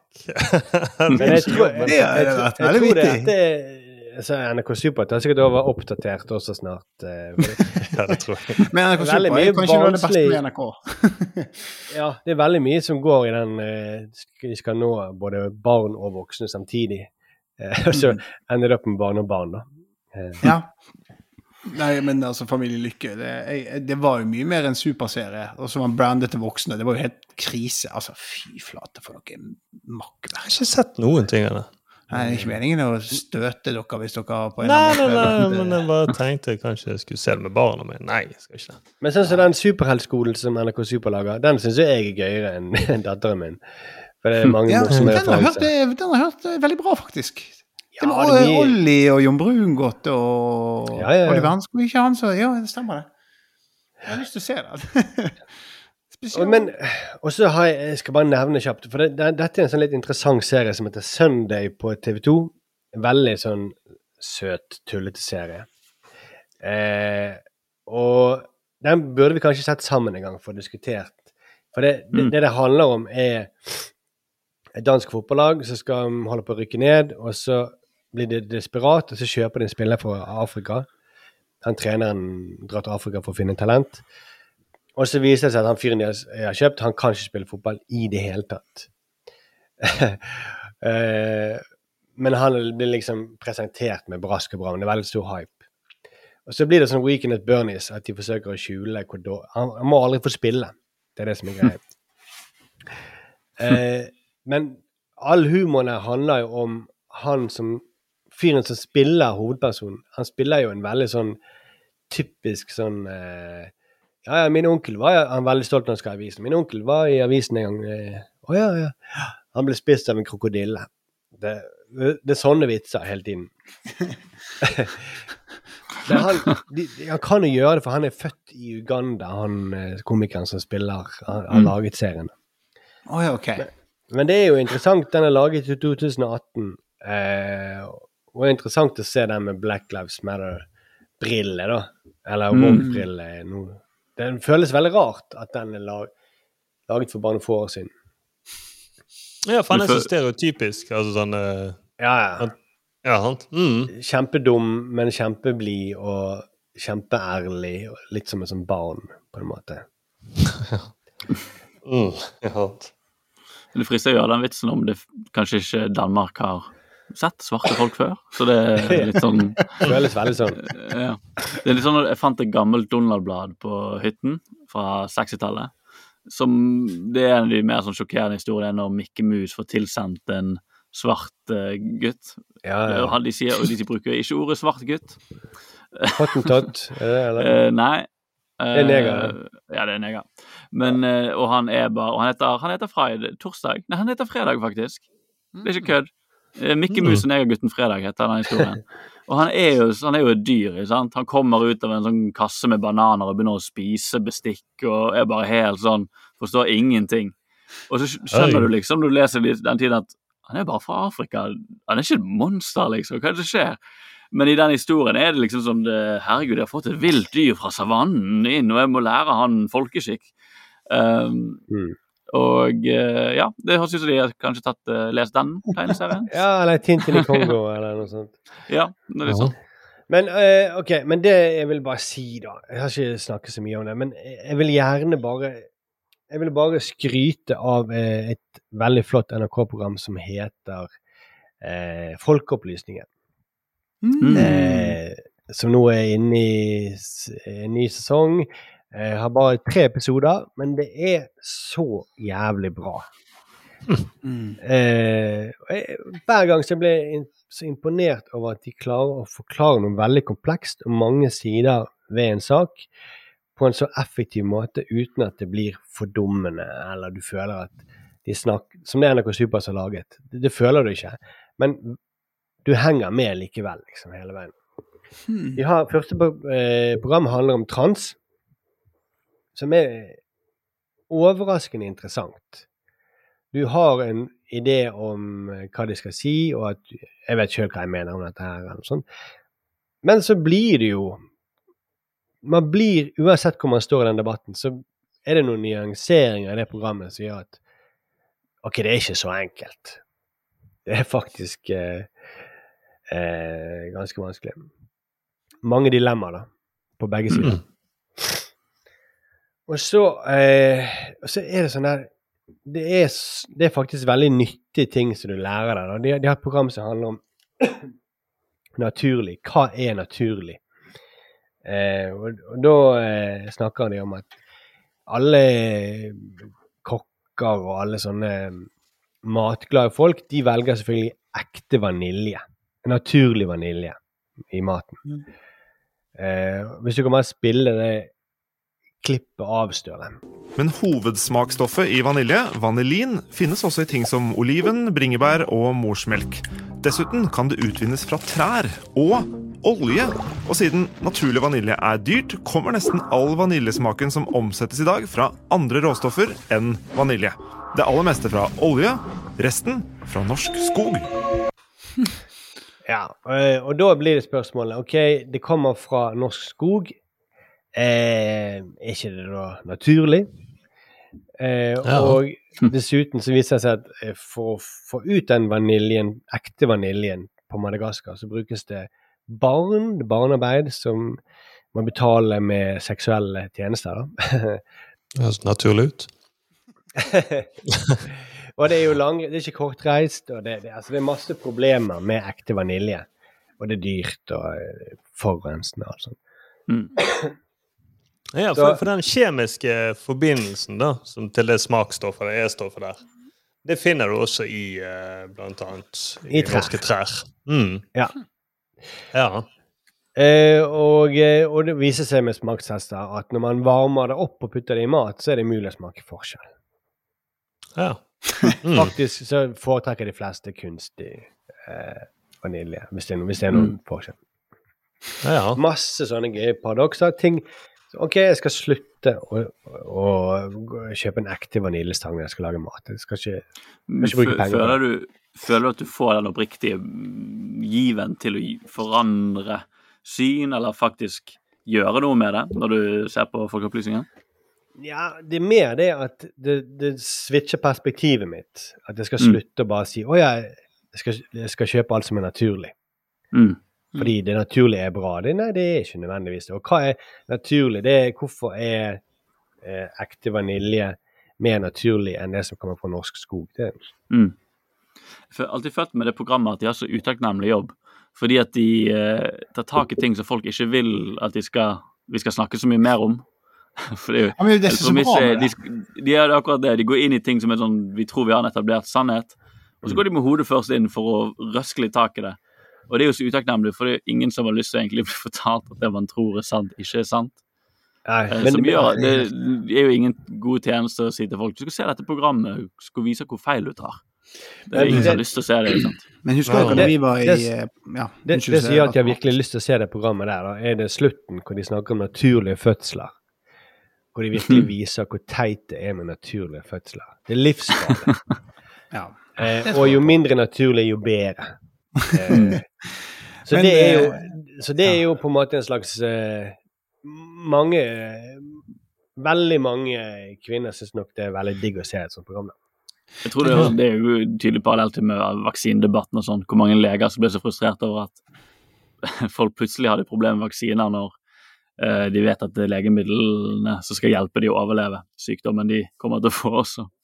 Ja. Så det, det er jo veldig tilfredsstillende når et program klarer å ta folk på Det er som, nesten som god satire, egentlig. Det føles Jo, som en men- eh, vits at de klarer å lage humor ut av det, nesten. Men, men husker ikke dere men husker ikke dere at eh, når vi holdt på å lage TV-programmet Satiriks, at uh, Folkeopplysningen kom med den der fantastiske manipuleringen av skolevalget i Lillestrøm?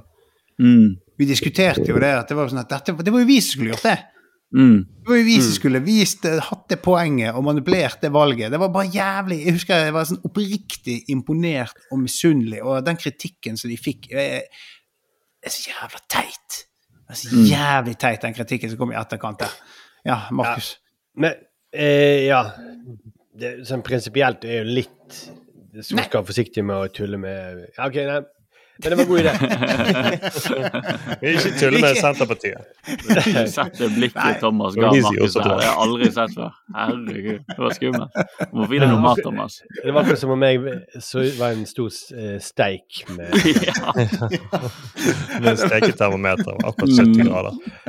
Men, men uh, det siste programmet, det er virkelig sånn Det, det er jo Der går han inn i, i tannleger, da. Ja, den, ja. Naturlige visdomsjeksler. De skal bare være i munnen, de. Ja, på en måte. Ja, men han sier det etter poengene i programmene. Du, de, de trekkes for mange visdomstenner. Du skal ikke trekke visdomstenner. Eh, med mindre de, du får en infeksjon. da. Ja. Men eh, spill av det klippet her, da, for eksempel. For selv om tanntråd har blitt anbefalt av tannleger i over 100 år, så har man ennå til gode å bevise at det faktisk virker. Mange vil tro at tanntråd virker mot hull i tennene, eh, men den forskningen vi har, støtter ikke det. Så noen har gått gjennom alt som er blitt forsket på det, funnet ut at det har ingenting å si om du eh, bruker tanntråd. Jo, men ikke på Eller min tannlege sier at det er ikke for hull, men mot eh, tannstein. Ja, det er også en eh, Men det, det er mange som sier hull også. Ja, ok, Eh. ja. Nei, for hun sier tannstein, og det har du jo. Ja, det Etter jeg begynte å bruke masse tanntråd, så er det mindre tannstein.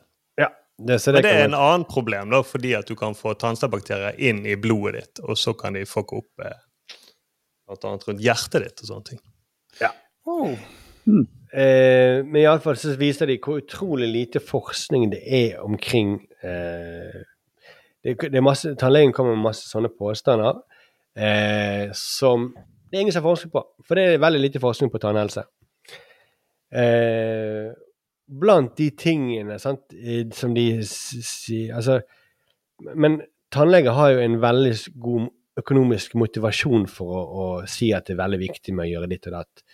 Eh, de hadde jo De fikk eh, to stykker til å gå til mange forskjellige tannleger i løpet av en uke. Og alle tannlegene sa oi, her var det mye tannstein, her må vi fjerne. Eh, selv om de hadde fjernet tannstein dagen før. Plakk og tannstein. eh, og, så eh, den frykten for tannstein virker jo For det første, de har jo en økonomisk motiv for å bygge den veldig opp da, og si at her ser jeg masse tannstein. Og det Mm. andre er eh, altså mm, Vi som tenner, selvfølgelig. Eh, regulering, tannregulering, det er veldig lite av det som man klarer å bevise har noen medisinsk funksjon.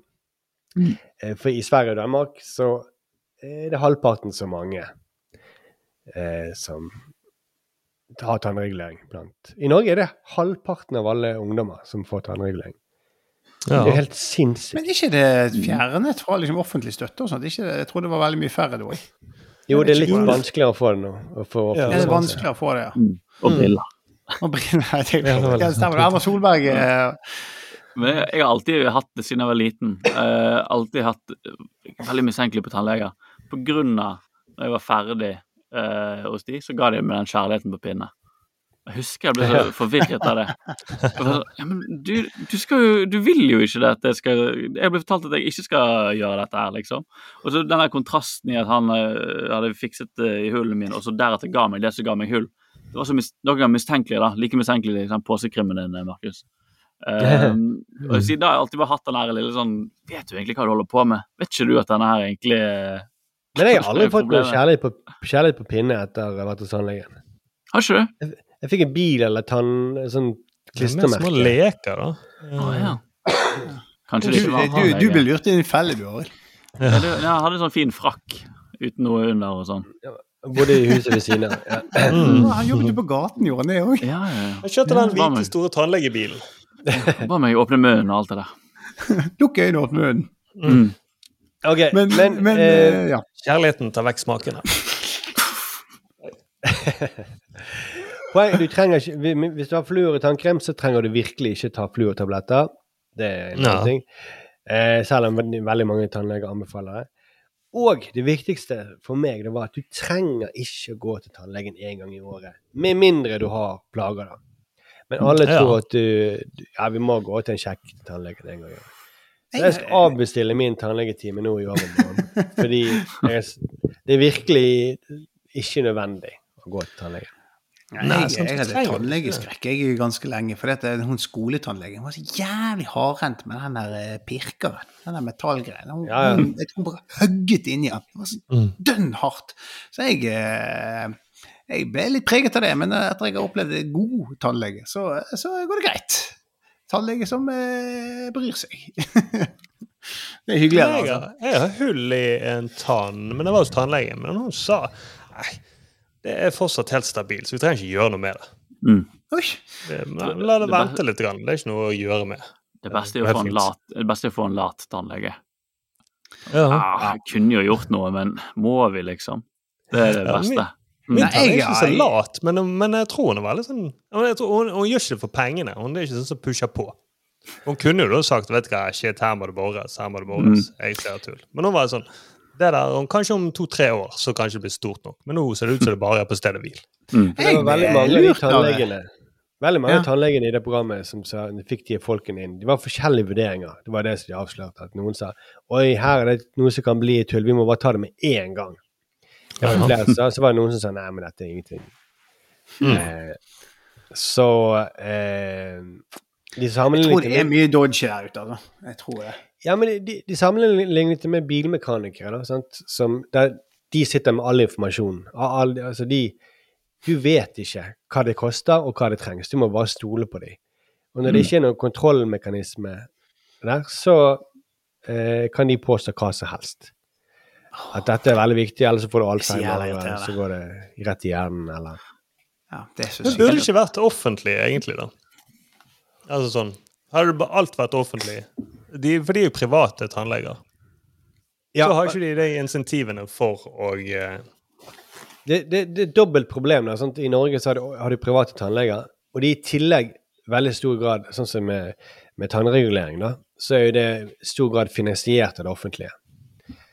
Sånn at det, det er derfor det, vi har så jævlig høy andel av eh, For da kan tannlegene bare si 'nei, vi trenger det', og så kan folk si 'ja, ja, jeg, jeg tar gjerne tannregulering, for det offentlige betaler'. Ja. Så det, så det de ja. Nei, det er litt sånn TV-relatert. Hvordan får de de tannlegene til å si ja til å være med på det programmet? Nei, de fikk jo ikke det, men de fikk noen til å, til å gå rundt, og så rapporterte de. De hadde sånn kamera hvor de filmet. Nå Så har jeg vært tannlegen har, tannlegen har sånn 'Du har masse hull'. De har liksom forvrenget stemmen deres. Eller? Ja, de er ikke med akkurat i opptaket. De bare fortalte at de hadde sagt det. Ah, ja, Eh, ja. Ja, for det, det er veldig vanskelig å få godkjent. Basert på vår erfaring med satirik, så skal jo alle som har vært på kamera, de skal jo samtykke til å ha vært med. Og det er faen meg en prøvelse av og til, altså. Ja, det går jo ikke. Nei. Hvis du har noe skikkelig juicy. Men eh, det gøyeste, eller det tristeste, var det egentlig, men det mest juicy som kom av det programmet, var hvordan de fant ut at sukker faktisk eh, Det er en av de få tingene som er gjort som de, man kan slå veldig godt fast, er at sukker skaper hull i tennene. Og det var det de gjorde. Det tok de Det var en sånn hjem med sterkt eh, psykisk utviklingshemmede mennesker, og bare ga de så sykt mye sukker i fem år. I fem, i fem år? Som i en test? Som en test, ja. Eksperiment. Og så så de hva som skjedde med tennene, og de, de ødela tennene deres. Og så, ja, nå vi, vi, vi. Og da kom Karos og Baktus og sånn NRK TV og sa de må begynne å pusse tennene. og. Er det derfor de oppfører seg litt rart, for de er litt sånn sterkt uh, utviklingshemmet? Men, men det de fant ut, var i hvert fall at uh, Og da, det, det er ikke hvor mye sukker du spiser, men hvor lenge du har i munnen. Så det er derfor de Mm. sier bare godteri på lørdager. Det kom liksom etter den der eh, Ah. Mm.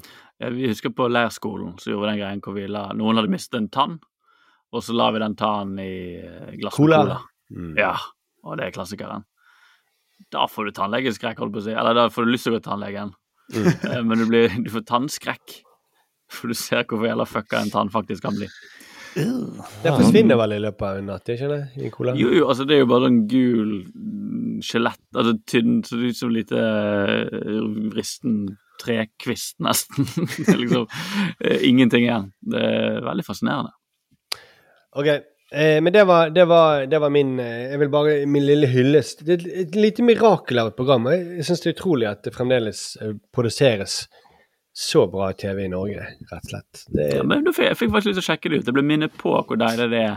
Hvor flinke de er, da. Det er liksom det. Ja. ja, de blir liksom flinkere og flinkere, syns jeg. De, mm. for, til å finne de tingene som du virkelig ikke ante at du ville vite noe mer om. Mm. Som tannleger, da. Mm.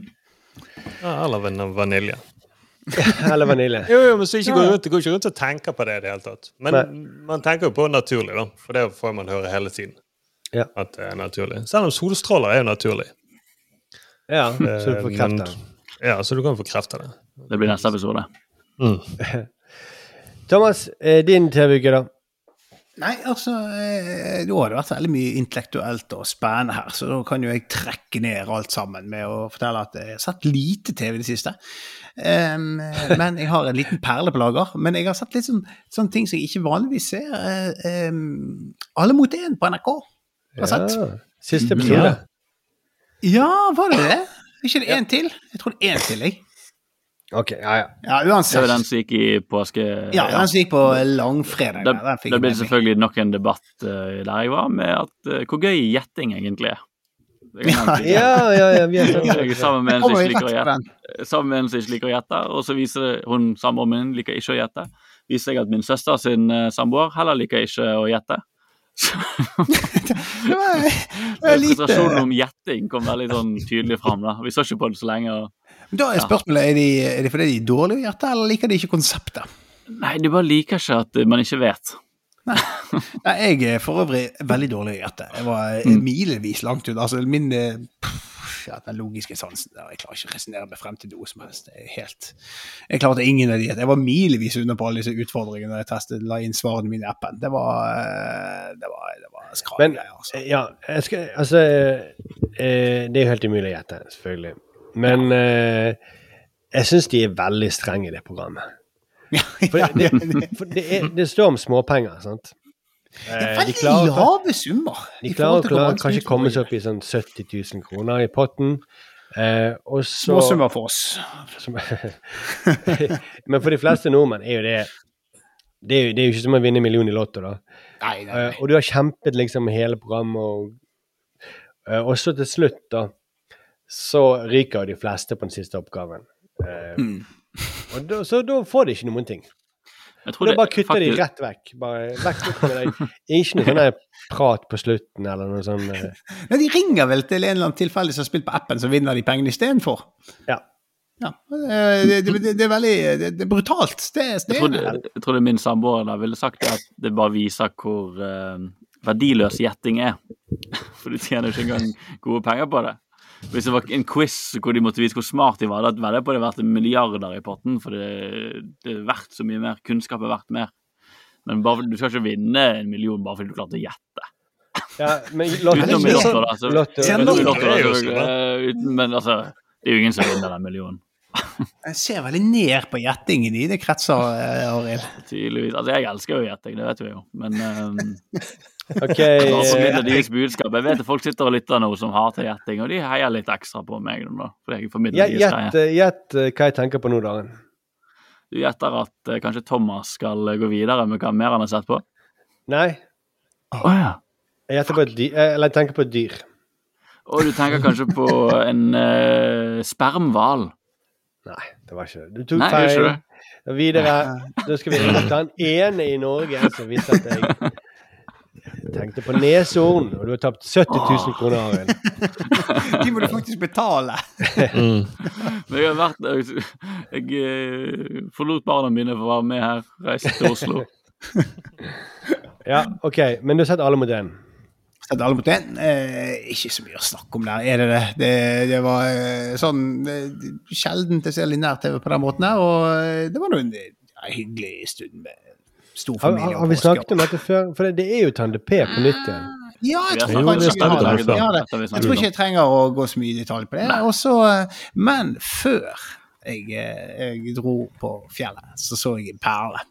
Eh, som eh, eh, fikk meg eh, Jeg er jo eh, Jeg har jo sagt det før, at det der med eh, å se veldig mørke og triste ting, det orker jeg ikke se på nå i tiden vi lever i. Og var inne på Amazon Prime-appen og fant en perle som jeg pleide å se på TV2 Sebra når jeg var fyllesyk. For rundt Ja, i, når jeg var rundt eh, 19-20 år. Og det er da den fantastiske perlen Unsolved Mysteries, som er på en slags Det er vel en slags moren til oss til Norge i USA. Bare at det er så jævlig bisarre saker de tar opp. Og alt er med sånne her eh, De går gjennom det, dette, jeg, måtte, jeg måtte sjekke noe i sted hvor tid denne episoden som jeg så, var den var fra 1988. Og det er liksom en programleder med en veldig mørk og myndig stemme som forteller om eh, eh, kriminalsaker i et sånt høyteknologisk studio, men det er høyteknologisk i 1998, så det er veldig lite imponerende å se det i dags dato. Det er nesten sånn at det ser ut som en parodi.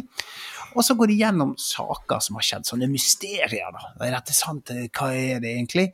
Og så kommer de òg med sånn innringertips, og det er Altså, det er en sånn deilig perle. For Jostein Norge er jo veldig saklig. Der er jo det Her er overvåkningsbildet. Han har stjålet penger av den gamle damen. Mens dette er i USA.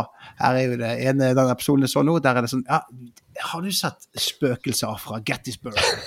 det er sant? Det er liksom Og det er så jævlig viktig. Next on Unsolved Mysteries. A young man is found shot to death in his car. Everyone is a suspect, except the real killer. In North Carolina, a night of drinking and joyriding suddenly turns vicious. A young mother is thrown to her death. Ira Einhorn, he was a counterculture hero until his girlfriend turned up dead in his closet. Gettysburg, the turning point of the Civil War. Some say the ghosts of the fallen soldiers are still haunting the battlefield. These are chilling cases that you won't want to miss. I'm Dennis Farina, and for the next hour, this is Unsolved Mysteries. Det var potpurri av saker, altså. Herregud. Det er så deilig. Også, eh, og den første saken Jeg setter meg ned og ser på dette. Jeg har ikke sett på det siden jeg var skikkelig hadde tømmermenn. Og var, eh, dette var noe meg og min kone så på uh, når vi hadde vært ute. Og så, eh, og det, Den første saken jeg ser igjen, da er liksom denne her dram, den der første der det er sånn eh, Nobody is, Everybody suspected everyone except the real killer. Og den saken er bygget så jævlig bra opp sånn TV-messig, for dette begynner med at de legger fram det er en, en, eh, en mann som er drept i bilen sin. Og hvem er morderen? Og så, og så snakker de med familiemedlemmene som anklager hverandre og, eh, om motiv, og de bygger opp så vanvittig til at uh, det er en i familien her som har, som har drept denne personen her. Det er masse intriger her, og skilsmisse og nye elskere. De bygger det så sykt opp. Så viser det seg eh, kutter de til Nei, det var en tilfeldig gal fyr som var ute med båten. Det er så jævlig det, og, så, og så er alt rekonstruert, og alt mulig som viser bare bilder av sånn åpenbart sånn mentalt pasient med øyne alle veier, og, eh, og sånn der, at han ble dømt til livstid for dette drapet. Og det er sånn, det er hele tiden, Du vet aldri hva som kommer! Du vet aldri hva som kommer, og de der de Men, men det er spøkelses... Hvorfor heter det Unsolved Mysteries? Dette var jo Det er fordi, det, det, fordi De er greiene, de, de har, det, det er så fantastisk. Det, de har de som, sakene som er løst, og så plutselig så kommer det opp en sånn absurd sak der de eh, Eller veldig, veldig ofte. veldig ofte, De unsolved mysteries er egentlig løst, men fangene på rømmen. Det er liksom det der er sånn, And then he escaped. Og det er så jævlig gøy. Og, og så så er bilder. Så hvis du ser han her, og så har de sånn, ofte sånne tegninger at han eh, i, i ulike sånn, sånn sånn uten å ha rømt rømte, men han kan se sånn ut uten hår. Eller uten skjegg. Og så har de sånn, de er spekulerer i hvordan han kan se ut. Og så er det alltid en sånn der After eh, noen eh, seere har ringt inn, og vi fikk dømt han, sånn sånn. Men så er det så gøy òg den eh, når de plutselig Unsolved Mysteries-biten. Den unsolved det er jo når de går på de spøkelsene i Gettysburg, og de har helt fenomenale rekonstruksjoner av spøkelsene som går på slagmarken her, og beskrivelser fra åpenbart mentalt forstyrrede personer som sier de har sett det ene og det andre. Og det er så, det er, så- Og det er så som viser at den ene der, han, han, han som drepte han andre i den. ja, ja, det er sånn, det er sånn, Hele programmet er bare en potpurri av genialitet! Det er så nydelig TV, og det er fra 19... Det, ja, det, er fra, det gikk fra 1988 til 2008. Så jeg gikk inn i sesong to, episode én, og det var bare en helt, helt altså, Den gikk akkurat har- glipp av true crime-bølgen, da. Mm. For det, Ja, gjorde det, ja, for det, det viser jo på en måte en slags det er stat, altså hvor eh, liksom True crime har jo fått veldig mye status plutselig. Eh, Ja. Men det, er en ekte true crime, ekte true crime eh, som var pulp, på en måte. ja, Det det, skal være- det var litt søppel-TV.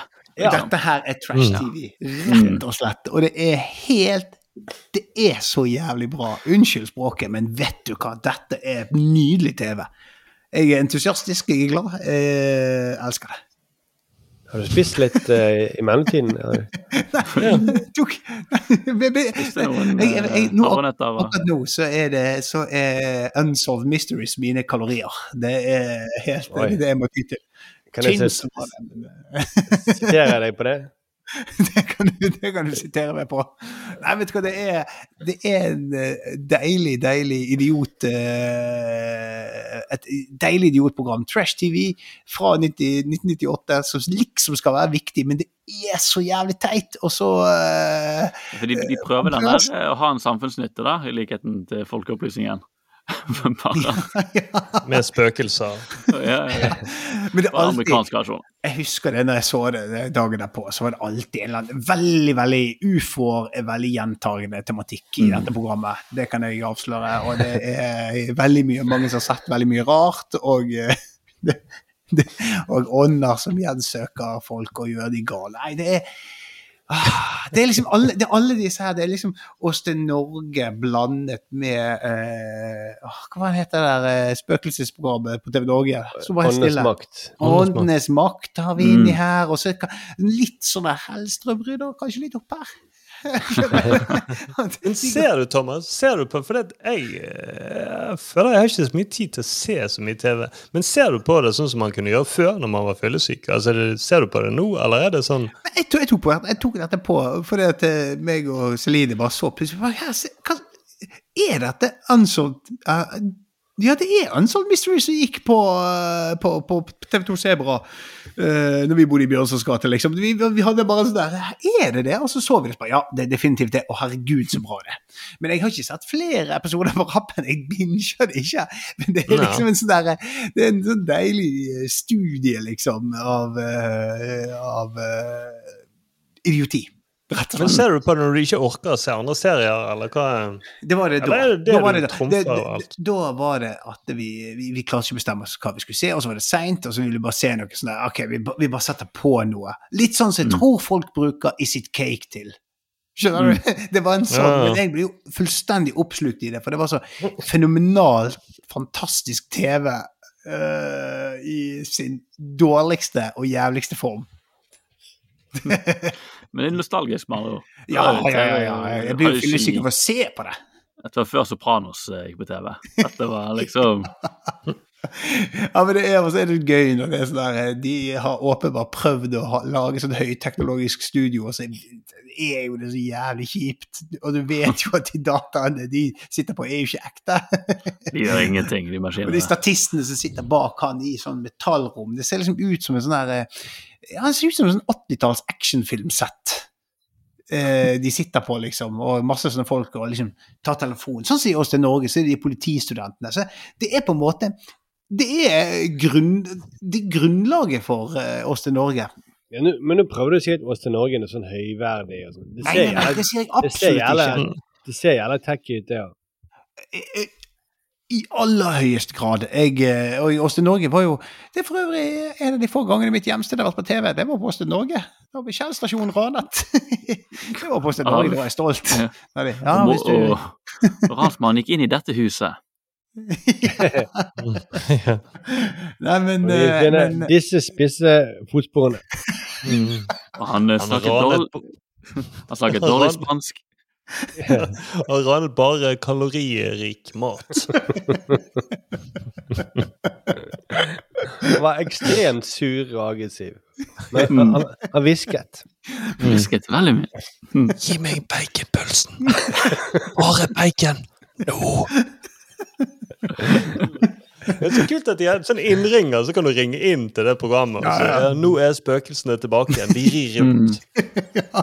og, det, og det var og Jeg husker altså det, var så, det var så gøy Det er så gøy med sånn rekonstruksjoner av spøkelser. Det er jo det som er Det er så veldig Altså, det er få ting jeg koser meg så mye med som sånne eh, rekonstruksjoner. Dårlige rekonstruksjoner. Og rekonstruksjoner av spøkelser på 80-tallet er bare helt magisk.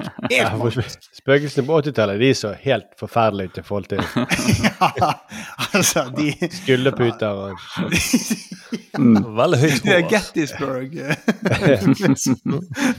men det er veldig gøy historier. Sånn at, ja, de, det ene, det ene saken som fram der, det var sånn um, to stykker som har vært på jobb på et kontor i nærheten av Gettysburg, hadde liksom trykket første etasje, men heisen hadde gått ned i kjelleren, og når dørene gikk opp, så var det liksom et feltsykehus der. Det er sånn, Ikke ett spøkelse, men et helt forbanna sykehus! Så var de Og så er det rekonstruert, og så, bare sånn, og så møtte vi blikket til det spøkelset, og det var som han sa til oss. Se hva jeg må leve med. I sykehus i kjelleren. Før pleide det å være oppe i femte etasje.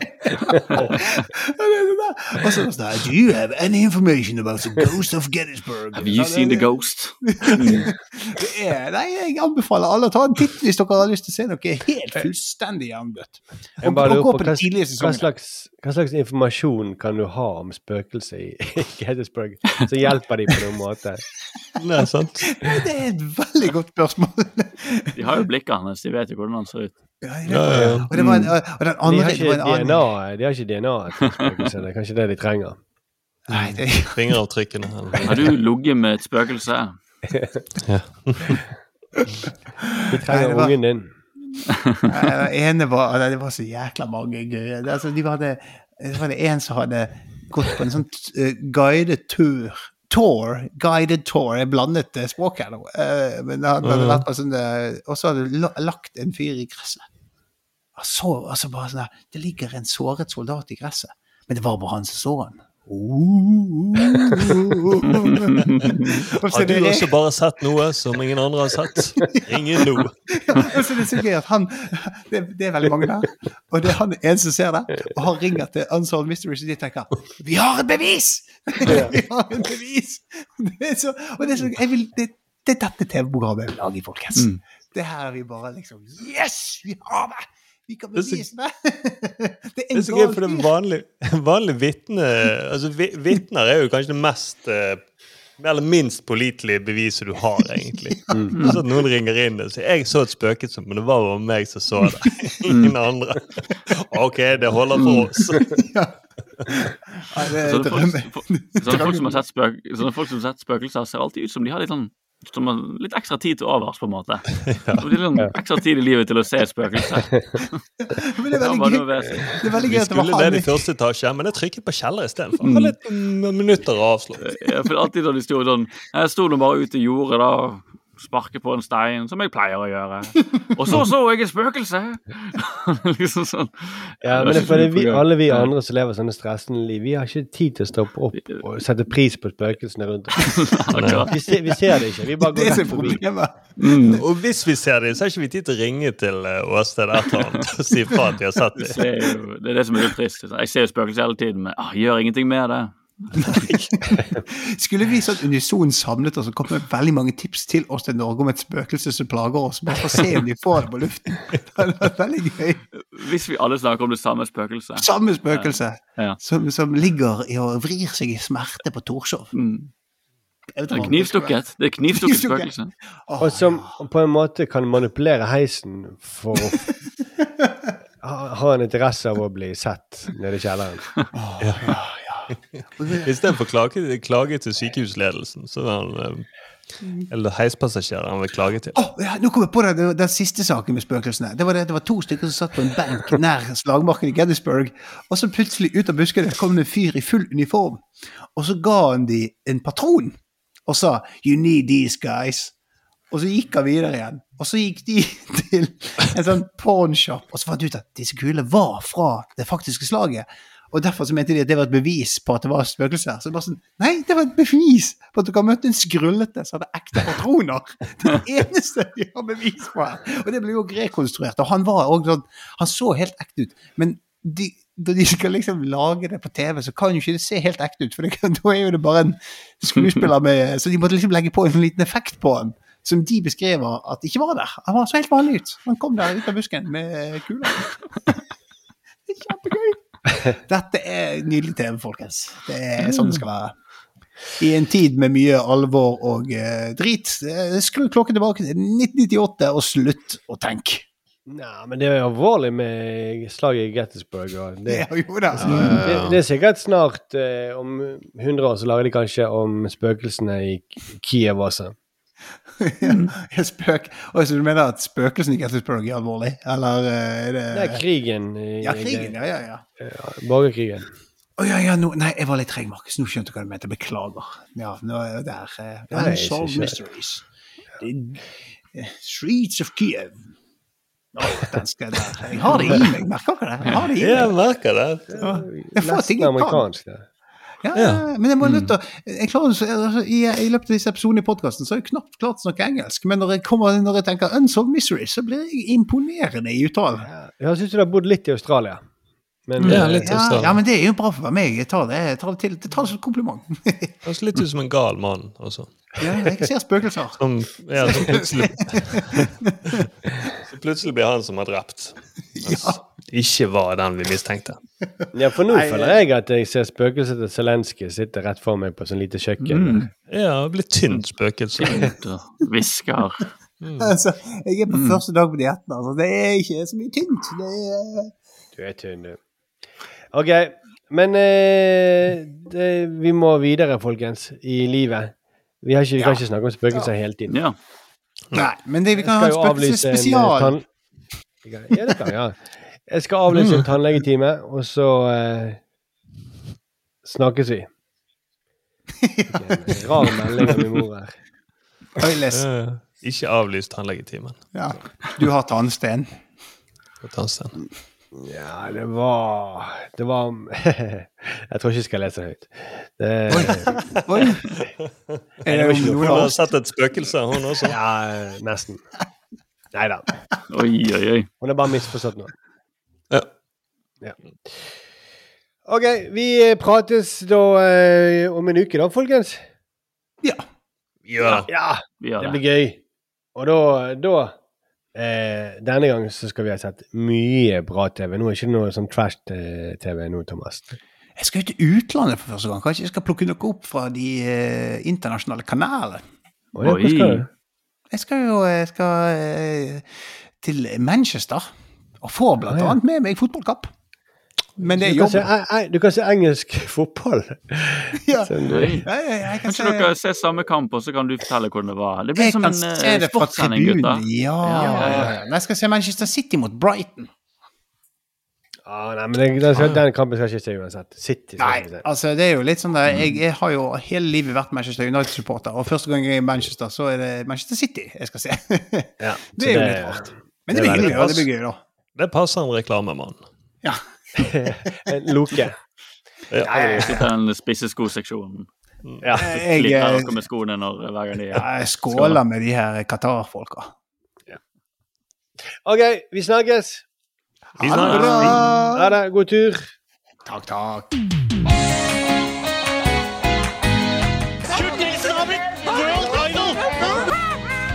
Det gjør ikke Ja, jeg. brøler gjerne. Det var helt ærlig, så tror jeg ikke smakte det der. Jeg er jo egentlig en ganske flatbrystet pike. Oh yeah? Well, I love you too. Det ser jo ut som en legg. One small step for man,